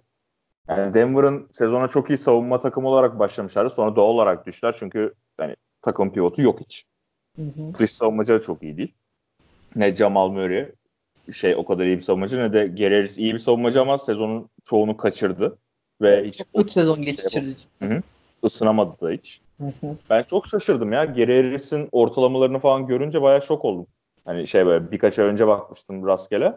Dedim o Gary Harris nasıl bu kadar geriledi falan. Mersi çok uzun süre sakatlıklarla boğuştuğu için bir türlü ritim yakalayamamış.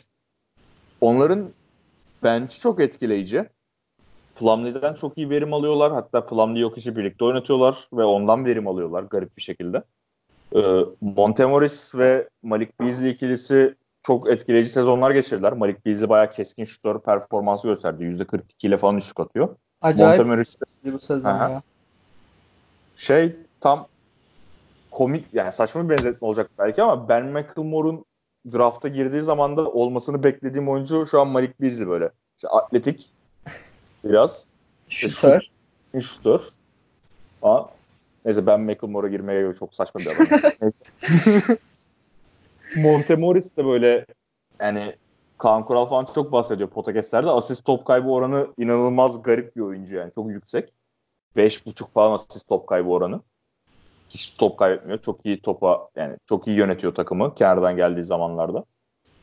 Ve onların nasıl diyeyim 9-10 kişilik iyi bir rotasyonu var. Şu an yanlış hatırlamıyorsam çok büyük bir sakatlıkları da yok. Tekrar bir kontrol edeyim onu bu arada.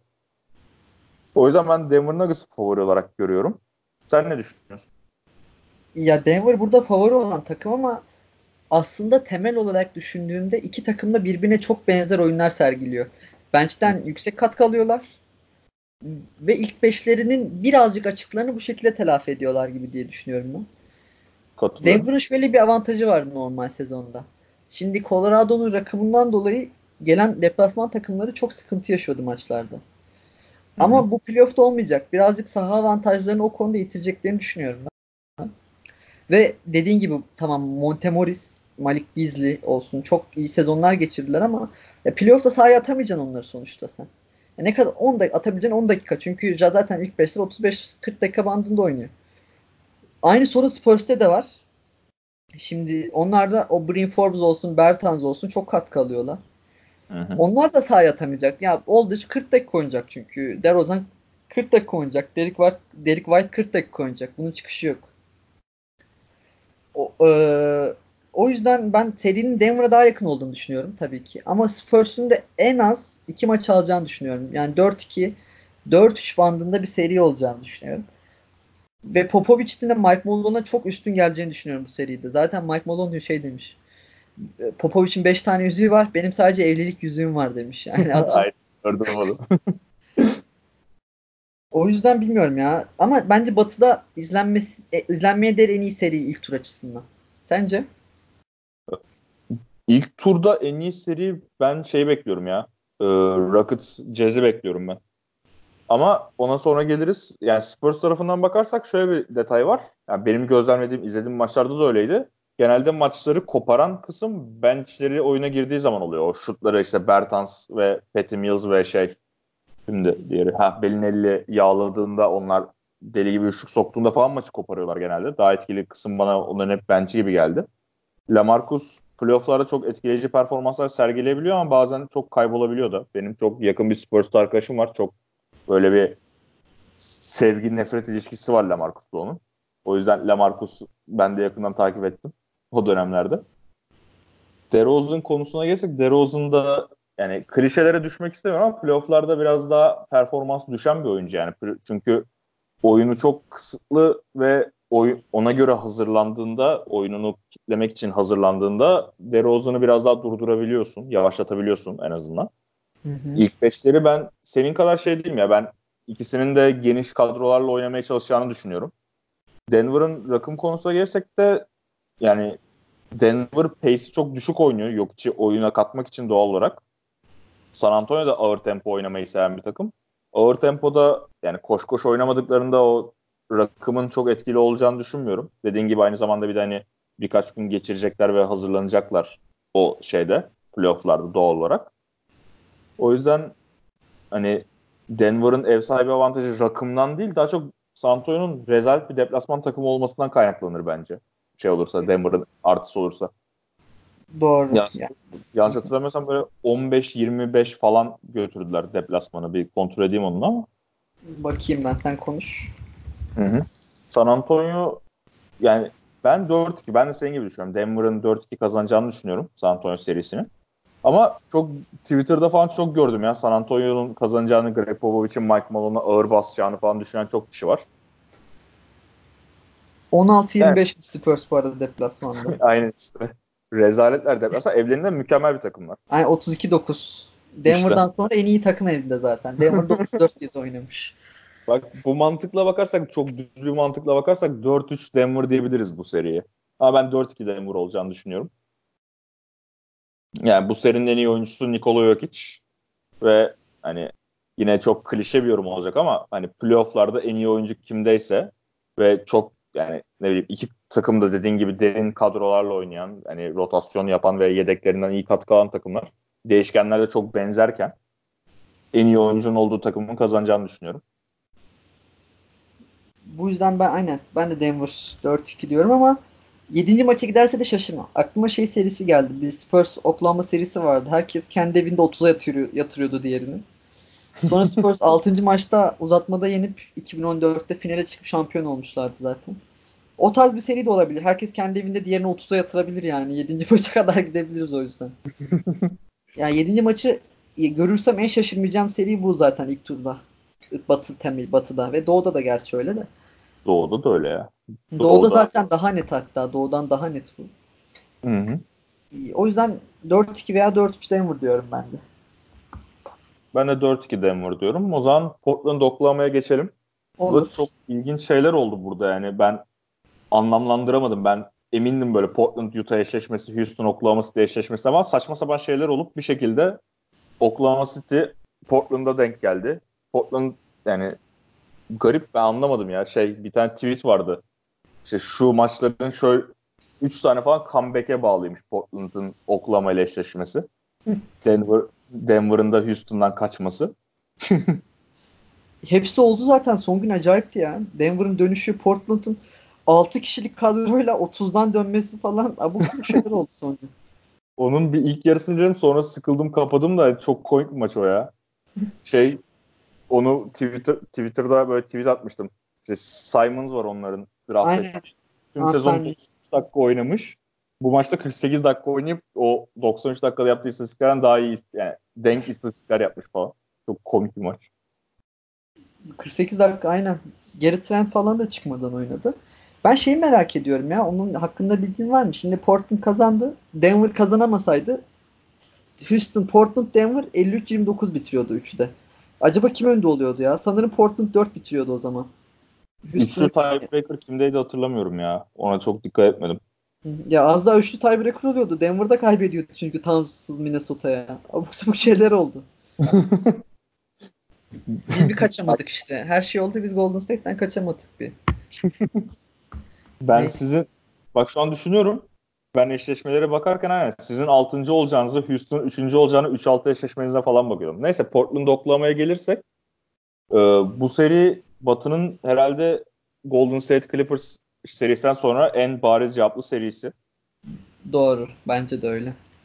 Nurk için sakatlığı çok kötü bir bacak kırma olayı oldu. Yani evet. izlemenizi tavsiye etmem. Dinleyenler ve izlemeyen hala varsa onu. Ee, o sakatlıktan sonra şu an Enes'le başlıyorlar ilk beşte. Ve hani Westbrook'un öyle bir pota altına neler yapacağını ben tahmin edemiyorum. Ya Enes'i çok sahada, sahaya atamam, atmamaları lazım zaten. Hani Zach Collins'in oynaması lazım. Alternatif Zach Collins yani o yüzden. evet. Ya 4-1 diyorum ben bu seriye direkt. Ben iyimser davranmışım. Ben tahmin yaptığımda 4-2 Oklahoma demiştim ama sezon içi şeylerine bakmamışım. Eşleşmelerine çok dikkat etmemişim. 4-0 sanırım sezon içi Aynen. Oklahoma. Sezon içinde Nurk için olmasına rağmen 4-0 geçmişler Portland'ı. Ve hani şu an Nurkic yok. Oklahoma çok kötü götürdü bu All-Star arasından sonra. Paul George'un omuz sakatlığı vardı. Performans düştü. Westbrook biraz o arada performansını yükseltti falan ama hani onlar da biraz şey tepe taklak kötü giderek girdiler hani playoff'lara. Ama yine de playoff atmosferinde ve yani Portland'ın çok bariz dezavantajları var. Çok büyük zaafları var. Yani rahat bir seri olacak. Yani ben 4-2 demiştim ama 4-0 çok mantıklı bir seçenek yani burada. Doğru. Ya peki abi Terry Stotts kovulur mu sence bu seneden, seneden sonra? Ben ben mesela burada da Terry Stotts'ta değil de yönetimde arıyorum problemi. Çünkü yani daha kaç sene daha aynı hatayı yapmaları gerekiyor bilmiyorum. Yani Lillard McCollum ikilisiyle en iyi iki oyuncunun iki tane guardken ve ikisi yani yan yana biraz uyumsuzlarken bunun bir yerde değiştirilmesi gerekiyor. Bence geçen sene süpürülmeleri şey yapması gerekiyordu hani böyle ışık yakması gerekiyordu kafalarında ama yakmamış. Terry kovar yani kovmamaları lazım bence. Yani çünkü Portland'ın zaten potansiyeli ne ki? Portland bir şampiyonluk adayı takım şu anki kadrosuyla. Tabii ki değil ya. Ya, ama artık radikal kararlar almaları gerekiyor evet. kesinlikle. Şu takım bir dağıtın abi farklı bir şeyler izleyelim ya. Olmuyor demek ki her sene ilk turdan eleniyorsun. İşte benim radikal karar olarak onlardan beklediğim hareket CJ McCollum'u takas etmek olur. Yani evet ama yani McCollum da kontratı felaket. Bakıyorum şimdi ne alacaksın ki karşılığında? Yine hiçe takas edeceksin ama en azından ya farklı bir şeyler görelim. Olmuyor yani. Zaten Portland'ın salary cap'i Abi siz ne yapıyorsunuz? Ne yiyorsunuz? Ne içiyorsunuz? Evan Turner 18 alacak seneye. McCollum 27. Lillard 30.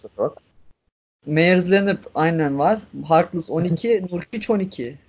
Onlar 2016 yazını çok kötü geçirdiler ya. Evet. Hele o Evan Turner'a verilen kontrat yani. Onların Elin Crab kontratı da vardı. Sonra Nets'e çıktıkları bir şekilde. Evet, evet. Yani bilmiyorum Portland sıkıntılı. 4-1 diyorum seriyi. Ve artık şu takımı dağıtın diyorum. demeye gerek yok bence. Ben tahminimden geri dönmeyeceğim. 4-2 diyorum ama yani yok ya. 4-2 zor. Lillard'ın 50 falan atması lazım iki maçta. Yani bir maçı da Lillard atma yazdım hadi. Onu da yazmazdım da bir maçta Lillard alıversin. Şimdi 4-0'da olmaz. Acaba Lillard'la Westbrook kavga eder mi? Ben onu görmek isterim. Olabilir. Ya, Enes de edebilir kavga. Onu da bekliyorum yani. o zaman Houston Utah serisine geçelim. Olur. Burada çok ilginç bir paralel var. Ee, şey o yine Kirk Goldsberry'nin paylaştığı bir şey vardı. Hani All-Star arasından sonra offensive defensive ratingler ve net ratingleri takımların. Böyle bir grafik yapmıştı. Grafikte birinci takım Houston, ikinci takım da Utah ya da tam tersi. Hani 1-2 Utah ve Houston. Utah'ın biraz daha fikstür avantajı vardı bu konuda hani. Ha, onu diyecek tam yani. Fikstürden kaynaklı bence onların birazcık da şey olması. Hatta fikstüre rağmen saçma sapan yenilgiler de almışlardı. Basit yenilgiler de almışlardı ama yine de net ratingi de ilk ikide bitirmeleri biraz formda girdiklerini gösteriyor. Hı hı. Ee, onun dışında şey mesela Utah'ın en büyük zaafını düşündüğümüzde Gober'i dışarı çıkarabilecek eşleşmeler yani Houston'ın böyle bir eşleşmesi yok. Switch'e zorlayabilirler mi? Zor. Bence o şeylerde Gober orta mesafeyi boş bırakacaktır. Yani Houston'da orta mesafe kullanmayı sevmeyen bir takım olduğu için çok orada hani yani takımın zaafıyla Houston'ın teknik olarak bir zaaf değil ama hani hücumsal bir yapmadığı bir şey uyuştuğu için oradan da böyle çok büyük delemeyecekler gibi geliyor bana Houston. Bilmiyorum ya çok dengeli bir eşleşme olduğunu düşünüyorum bunun. Sen ne düşünüyorsun? Ya ben Houston'ı çok net avantajlı görüyorum. Şimdi zaten Hı. Utah da Portland istiyordu kesinlikle. Herkes Portland istiyordu. Herkes ya. gibi. Ve Portland'ın da Portland'da 4-0 elerdi bence Utah. Maç bile vermezlerdi. Yani maksimum bir tane. Ama Houston'ı Houston'a şu konuda ters gelebilirler dediğim hiçbir şey yok. Ee, diyorum hani nasıl ters gelebilirler? Houston'ın hücum gücüyle bir kere başa çıkamayacaklar. Hı hı geçen sene bile hani geçen seneden daha kötü buluyorum ben Utah zaten. Çok daha iyi bir takım. Geçen sene tabii Rubio faktörü vardı. Rubio bu sene yok zaten. Yani varlığıyla yokluğu bir değil. O yüzden sağ avantajları da yokken çok fazla şans tanımıyorum açıkçası. Tabii ki yine zorlayacaklardır. Zaman zaman kitleyeceklerdir de. Yani Quinn Snyder'in illa bir planı vardır bu konuda ama hı hı. E, ben bu seride Houston 4 bir buçuk diyorum. İki mi versen bir versen bilemedim şu an Utah, Utah'a.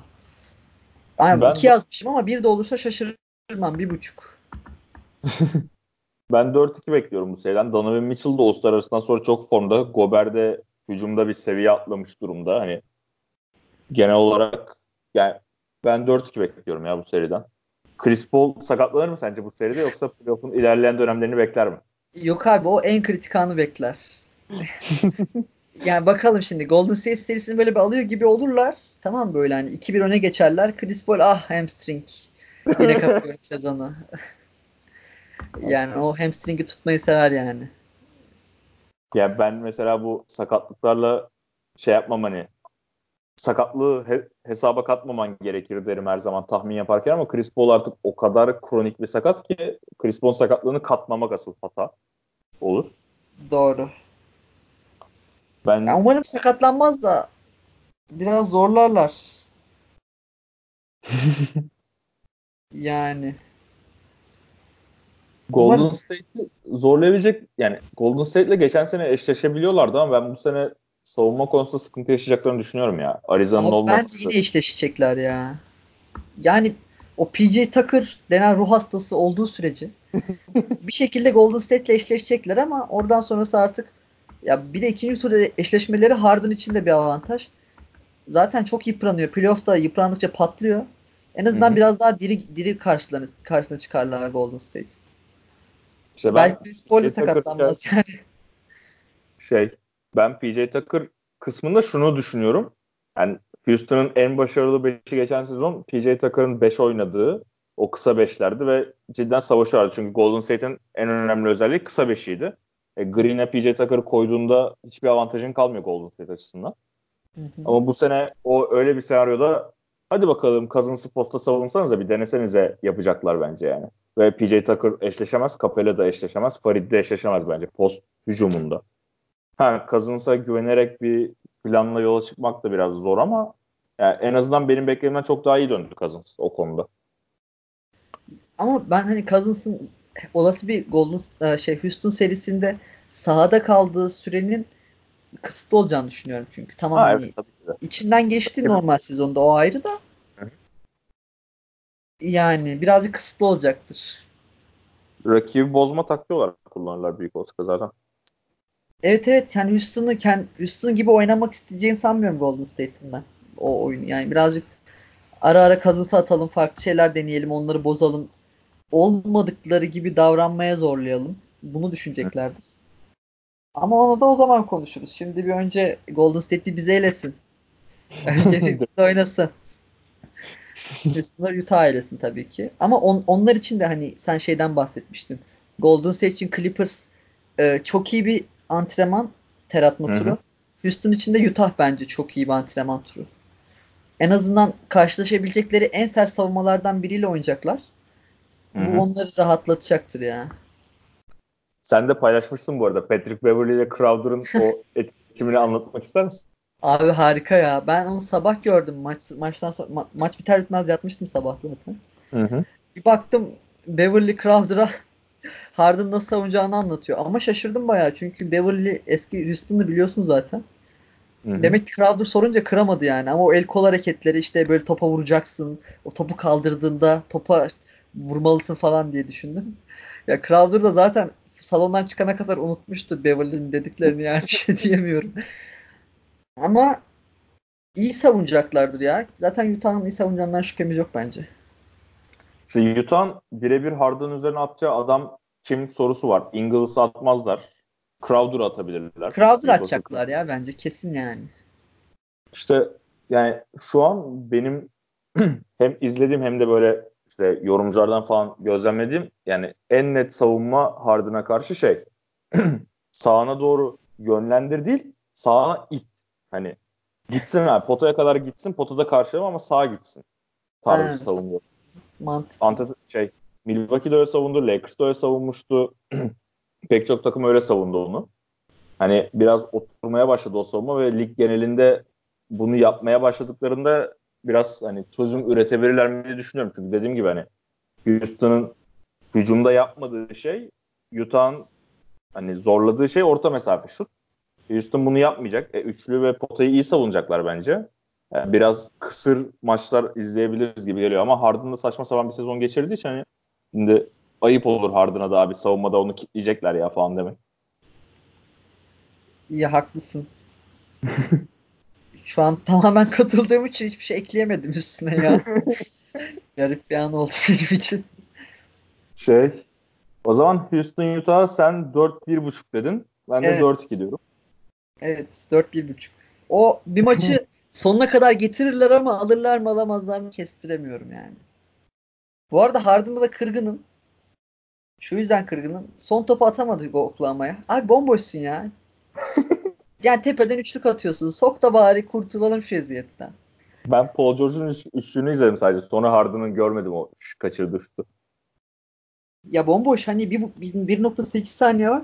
Harden topu alır almaz Paul George'dan bir şekilde kurtuluyor altından geçip ve ya bir saniye kala falan bomboş bir üçlük çıkarıyor. Öyle söyleyeyim ben sana. Bayağı basit bir şut aslında Harden için. Ya bir de tepeden atıyor. Çaprazdan falan da değil. Evet, o maç gerçekten o maçla 8. olmamız beni üzdü ya. Çok yaralandım. Ya böyle bir Oklahoma 20'ye yatırsa bu kadar üzülmezdim yani. O zaman Doğu konferansına geçelim. Olur tamam geçelim. 1-8 eşleşme, eşleşmesi Milwaukee Detroit. Yani burada benim sorum şu olacak. Bucks süpürür mü? Süpürür mü? Süpürür abi. Yani Detroit'in hiçbir şekilde karşı koyma gibi bir şansı olduğunu düşünmüyorum ben çünkü. Kadro yapıları itibariyle de öyle ki Griffin de sakat. O da Aynen, Chris Paul- aynen. yani zaten biliyorsun kritik anlarda bayılır sakatlanmaya. e, o, o 4-0 diyorum ben buna. Detroit'in bir maç alması aşırı sürpriz olur benim için. Ee, Zaten Evet. sezon içinde tıpırmış. Hı hı, normal. Evet. Ve hani Brogdon'un sakatlığı var. İlk turda kesin dönmeyecek. İkinci tura belki dönebilir anca. Ama yine de yani Detroit serisinde o kadar büyük bir şey anlam ifade etmeyecek o sakatlık büyük olasılıkla. Aynen sıkıntı yaşamazlar ya o konuda. Mirotic takastan sonra çok iyi performans göstermedi Milwaukee Bucks'ta ama genel olarak oturmuş bir düzenleri var. Antetokounmpo da çok hırslı giriyor. Yani e, büyük olasılıkla delip geçecektir ya. Parçalayacaklar kesin eminim ondan. Ya ben hatta 3 maçın direkt blowout olacağını düşünüyorum. Bucks'ta da şöyle bir sıkıntı olabilir. Tamam birinci bitirdiler ama bir baskıyla giriyorlar playoff'a ister Hı. istemez. E, tedirgin olacakları zamanlar olacaktır. Yani Kesinlikle. Detroit, Detroit birazcık hani dürter böyle ufaktan bir çimdikler ama yetmeyecek. Yani 4-0. Yani ona değinirsek Milwaukee zaten hani geçen sezonda kötü bir takımdılardı. Yetenekli oyuncular olmasına rağmen. Hani hiçbir zaman favori olarak çıkmadılar playoff'lara. O yüzden bu ayrı bir tecrübe olacak onlar için. Genelde bu ilk defa favori olan zamanlarda biraz zorlanır takımlar. Evet. Bakalım Antetokounmpo'nun canavarlığı onu ne kadar kompanze edecek. Bunu merak ediyorum ben de ama dediğim gibi hani bu serinin çok konuşulacak bir açısı olduğunu düşünmüyorum. Detroit çok dengesiz bir takım. Benim işte şey daha önce bir Detroit'li arkadaşım var. Çok yakın bir arkadaşım. Şu an bunu dinliyor zaten. Dinler herhalde. Şey e, o da çok deli oluyor. Yani Reggie Jackson'a, Andre Drummond'a falan onların bu gelgitlerine. Drummond biraz daha iyi bir sezon geçirdi bu sezon ama hani yine de yani saçma sapan yenilgiler alıyorlar. Çok konsantrasyon kayıpları yaşıyorlar.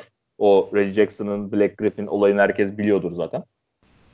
Hı hı. Şey hatırlıyor musun? Maç sonu Black Griffin daha ciddi olmamız lazım, daha şöyle olmamız lazım falan. Takım olarak böyle yapmamız lazım diyor. Reggie Jackson kerden gelip laşka laşka hareketler yapıyor. Black Griffin böyle yüzü düşüyor falan. Detroit açısından güzel bir şeyden bahsetmek gerekirse Black Griffin Detroit Pistons'ı bayağı sahiplenmiş gözüküyor. Bu sezon etkileyici bir sezon geçirdi zaten. Hı hı. Ama yani Bucks serisinde yani zaten ne bileyim Doğu'nun ilk dört takımına karşı diğer dört takımın çok bir şansı olmadığı için hani kimle eşleşti çok bir şansı olmayacaktı Detroit'in. Belki Toronto ile biraz daha iyi eşleşmişler sezon içinde. Orada biraz daha böyle Dwayne Casey'nin Toronto'ya dönüşü falan hikayesiyle biraz daha işte duygusallık, romantiklikler girip ilginç bir seri olabilirdi ama bu serinin ilginç olacağını düşünmüyorum. Ben de ya. Yani basit olacaktır. Bak. ya doğudaki zaten ilk tur eşleşmelerin çoğu öyle beni hiç heyecanlandırmadı. Normalde fena olmazdı ama direkt dört takım o kadar öne çıktı ki diğerlerinden. Hiçbir anlamı kalmadı yani. Diğer Ya bu- seriler için de muhtemelen aynı şeyleri söyleyeceğiz. Bu sezonun başında 5 takım var zaten Doğu'da hani herkesin playoff yapacak dediği. Ondan sonra hangi takımlar daha kötü tanklayacak hani. Daha hangi takımlar tanklamayı beceremeyecek tartışması vardı yani biraz. Evet Orlando beceremedi mesela. 42 galibiyet. O zaman sen de 4-0 diyorsun, ben 4-0 diyorum bu seriye. Evet. Toronto Orlando o, ay Orlando ne? Toronto Orlando serisine geçelim. Olur. Buna da başla. aynı notu yazdım. Raptors süpürür mü süpürür mü dedim. Aslında burada sezon içinde 2-2 yapmışlar. Toronto Orlando bölüşmüş şeyleri. Orlando çok garip bir takım ya. Lakers'ta iki maçta da kazandılar bize karşı. Yani neden olduğunu anlamadığım bir şekilde iyi oynuyorlar. Burada Vucevic'in etkisi çok büyük. Terence Rose'un da öyle kesinlikle. Aynen Terence Rose ekstra bir katkı veriyor kenardan. DJ Augustin saçma sapan iyi bir sezon geçiriyor. Ellerindeki tek kart bir de yani mecburlar. Yapacak başka bir şeyleri yok. Abi, DJ Augustin dediğin adam yedekten gelen böyle sana artısı olmayacak, eksik olmayacak bir guard yani. Şu an tak, playoff yapan bir takımın lider oyun kurucusu olması çok garip geliyor. Yani zaten Vucevic ağırlıklı oynuyorlar hani oyun kurmada falan da posta yüksek posta Vucevic'e top indirip oradan şey yapıyorlar ama hani yine de değişik bir takımlar. Asıl beni çok şaşırtan bir olay var. All-Star arasından sonra en iyi 3. savunma takımı neymiş Orlando? Vay, bu da Clifford'ın etkisi tamamen ya. Değişik yani ya ben yine de Toronto'ya karşı bir rakip olabileceklerini düşünmüyorum. Ben bu seriye de 4-1 demişim. 4-0 olmasını da beklerdim ama 4-1 tahmin ediyorum. Yani belki bir maç alır Orlando ama Toronto'nun rahat geçeceğini düşünüyorum bu seriyi. Toronto tarafına gelirsek de hani orada bir dengesizlik vardı. Ama ben Marc Gasol takasından sonra Marc Gasol'ün orada iyi bir etki yaratacağını düşünüyorum. Farklı bir opsiyon olarak. Yani Jonas Valanciunas'ı da ben çok beğeniyordum. Ki Memphis'te iyi oynuyor şu an. Ama hı Marc Gasol'ün daha tecrübeli ve daha veteran olması hani işte yüksek postan oyun kurma yeteneği, farklı bir boyut katması, üçlük pot, üçlük şey tehdidi falan derken iyi bir katkı vereceğini düşünüyorum. Ya bilmiyorum. Toronto'da bir dengesizlik var. Beni hep şüphe uyandırtan bir şey var. Hani Kavay'ın takımdan kopuk oynaması olabilir bu. İkinci skorer diye düşündüğümüz net bir oyuncunun olmaması olabilir. Siakam o rolle biraz büründü.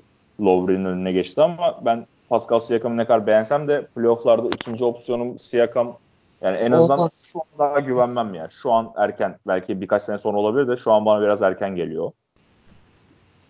Ya bence evet. onda biraz da normal sezon dalgalanmasının sebebi Kawhi Leonard'ın kafasına göre abi ben bugün bir dinleneyim ya. Pek oynayasın modunda takılmasıydı. Abi bir ara ülkeden çıkarmadılar Kavay'ı. Bayağı uzun bir süre deplasmana falan gitmedi. Evet. Yani çok oynayası da yoktu ama tabii artık playoff geldi. Kawhi Leonard tüm varlığıyla sahada olacak. Bu tabii ki çok büyük fark yaratacak. Yani, yani sonuçta ligin en iyi 5 oyuncusundan biri. Ama şimdi bakıyorum tamam mı? Kawhi Leonard'ın istatistiklerine. Ya, tamam 60 maç oynamış. Ki zaten 15 falan rest. %37 ile üçlük atmış. 27 sayı ortalaması var.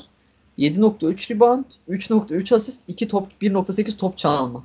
Abi daha ne yapabilirsin ki? Tamam Kavaş çok göz önünde bulunmadı belki çok yüklemediği için ama istatistiksel anlamda inanılmaz bir sezon geçirdi. Buna kesinlikle şüphem yok. %50 ile de şut atmış çocuk. Hı hı. Savunmada biraz yattı bu sezon. Yani kendi Yattı hali bile fark yaratıyor Kavay'ın, zaten.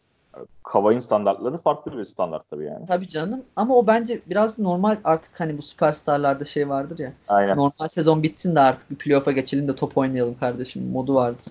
Bence birazcık da ondan kaynaklı oldu. Zaten hani sezon içinde de istediğinde rakipleri nasıl kitleyebildiğini gösterdi. En klasik örneği genel olarak şeydir o. Ben Simmons'dan arka arkaya top çalmaları, Ben Simmons'a hayatı dar etme şeyi falan. Hı hı. Yani, yani bu serinin rahat geçeceğini düşünüyorum. Ben o de 4-0 diye düşünmüştüm aslında ama hı hı. şimdi bir daha düşününce acaba içeride bir maç alırlar mı? 7 senedir playoff yapmıyorlar. Bir gazla oynarlar. Ama alsalar bile çok zor olur yani. Ben son topa falan gider muhtemelen. 4-1 diyeyim ben de o yüzden. Hadi bir maç verelim Orlando'nun hatırına. 4-1 diye düşünüyorum bu seriyi. Ee, Sixers Brooklyn Nets'e geçersek e, burada e, önceki sen ne düşünüyorsun bu seri hakkında?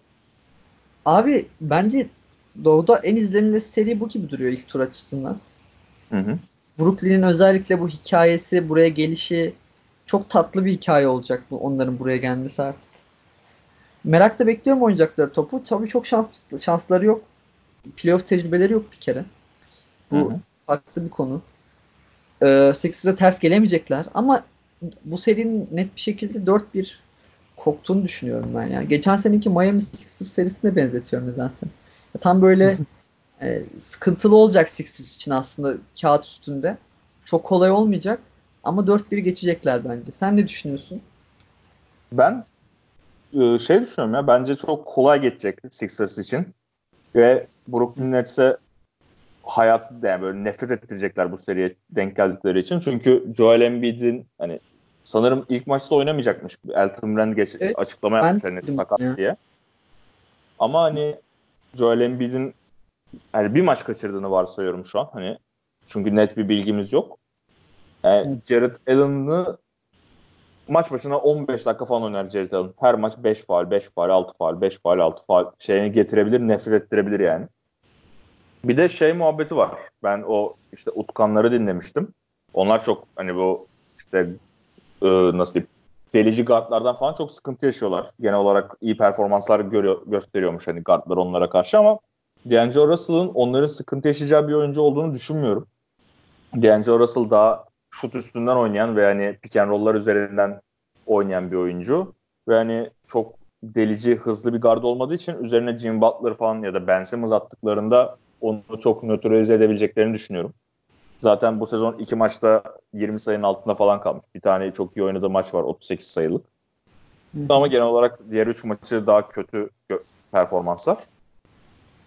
Ya ben Brooklyn'in hype'ını anlıyorum. Kenny Atkinson çok başarılı bir koç. İki senedir yani bu Brook Lopez'in son senesinde falan da çok şaşırtıyordu onların oyunu beni. Çok etkileyici bir hani nasıl diyeyim tüm oyuncular ne yapması gerektiğine çok hakim bir şekilde oynuyordu. O konuda beni çok etkilemişlerdi. Yetenek yani tavanlarında oynuyorlardı her maçı. Ee, bu sezonda Cinderella hikayesi sanırım Brooklyn Nets'tir. Hani Kings'in playoff yapamamasını hesaba katınca. Ama bu seride yani ben Sixers'ın rahat geçeceğini düşünüyorum. Hiç zorlanacaklarını düşünmüyorum. 4-1 diyorum o yüzden bu seriye. Aynen 4-1 en mantıklısı gibi duruyor. Ya ben de Dangelo Russell'a karşı sıkıntı yaşayacaklarını düşünmüyorum ama Brett Brown sanki e, Atkins'in Brown'dan bir maç çalacağını düşünüyorum ben ya yapacaklarıyla. bu yani. Çünkü Brett Brown'u hiç beğenmiyorum. Gerçekten hiç beğendiğim bir koç değil kendisi. Ve bu takımın potansiyelini aşağı çektiğini düşünüyorum. Bir, bir sıkıntı yaşayacaklar bakalım ne zaman. Yani bir maçta kesin kaybederler ya. Yani diğer maçlardan birinde de zorlanırlar ama son toplara doğru alırlar. Kalan maçları da hani daha rahat, nispeten daha rahat alacaklarını düşünüp 4-1 diyorum. O zaman son serimize geçelim. Olur. Boston Celtics, Indiana Pacers. Bu seri de yani belki de ilk turun en keyifli serisi olabilirdi. Geniş resimde bakarsak ama Oladipo'nun sakatlığı hani tabii ki düşüşlerine Oladipo'nun sakatlığının etkisi var da hani Oladipo'nun sakatlığı olması nedeniyle Indiana Doğu'nun tek bu ilk dörde rakibi olacak takımdı ama artık değiller. Evet yani onlar da sakatlığa rağmen iyi tutundular oralarda. İyi direndiler ama All-Star arasından sonra çok düştü onların performansı. Yani en azından bana öyle geldi. Bir şey yapmayayım şimdi. Saçma yorumlar yapmayayım ama ben benim gördüğüm kadarıyla, izlediğim maçlarda da gördüğüm kadarıyla performansları düştü. Ama yani ne kadar yani böyle ciddi bir sakatlığın altından kalkamamaları çok normaldi. İyi bile direndiler. Çok uzun süre acaba üçüncü götürebilecekler mi diye düşündük yani. En azından ben düşündüm. Ee, bu seride bu seride Indiana'yı Indiana küçümsüyorsunuz diyerek Indiana'yı ben çok abartıldığını düşünüyorum. Doğru doğru. Bence de doğru. Haklısın bu konuda. Ee, yani Indiana yani şu an serinin en iyi oyuncusu Kyrie.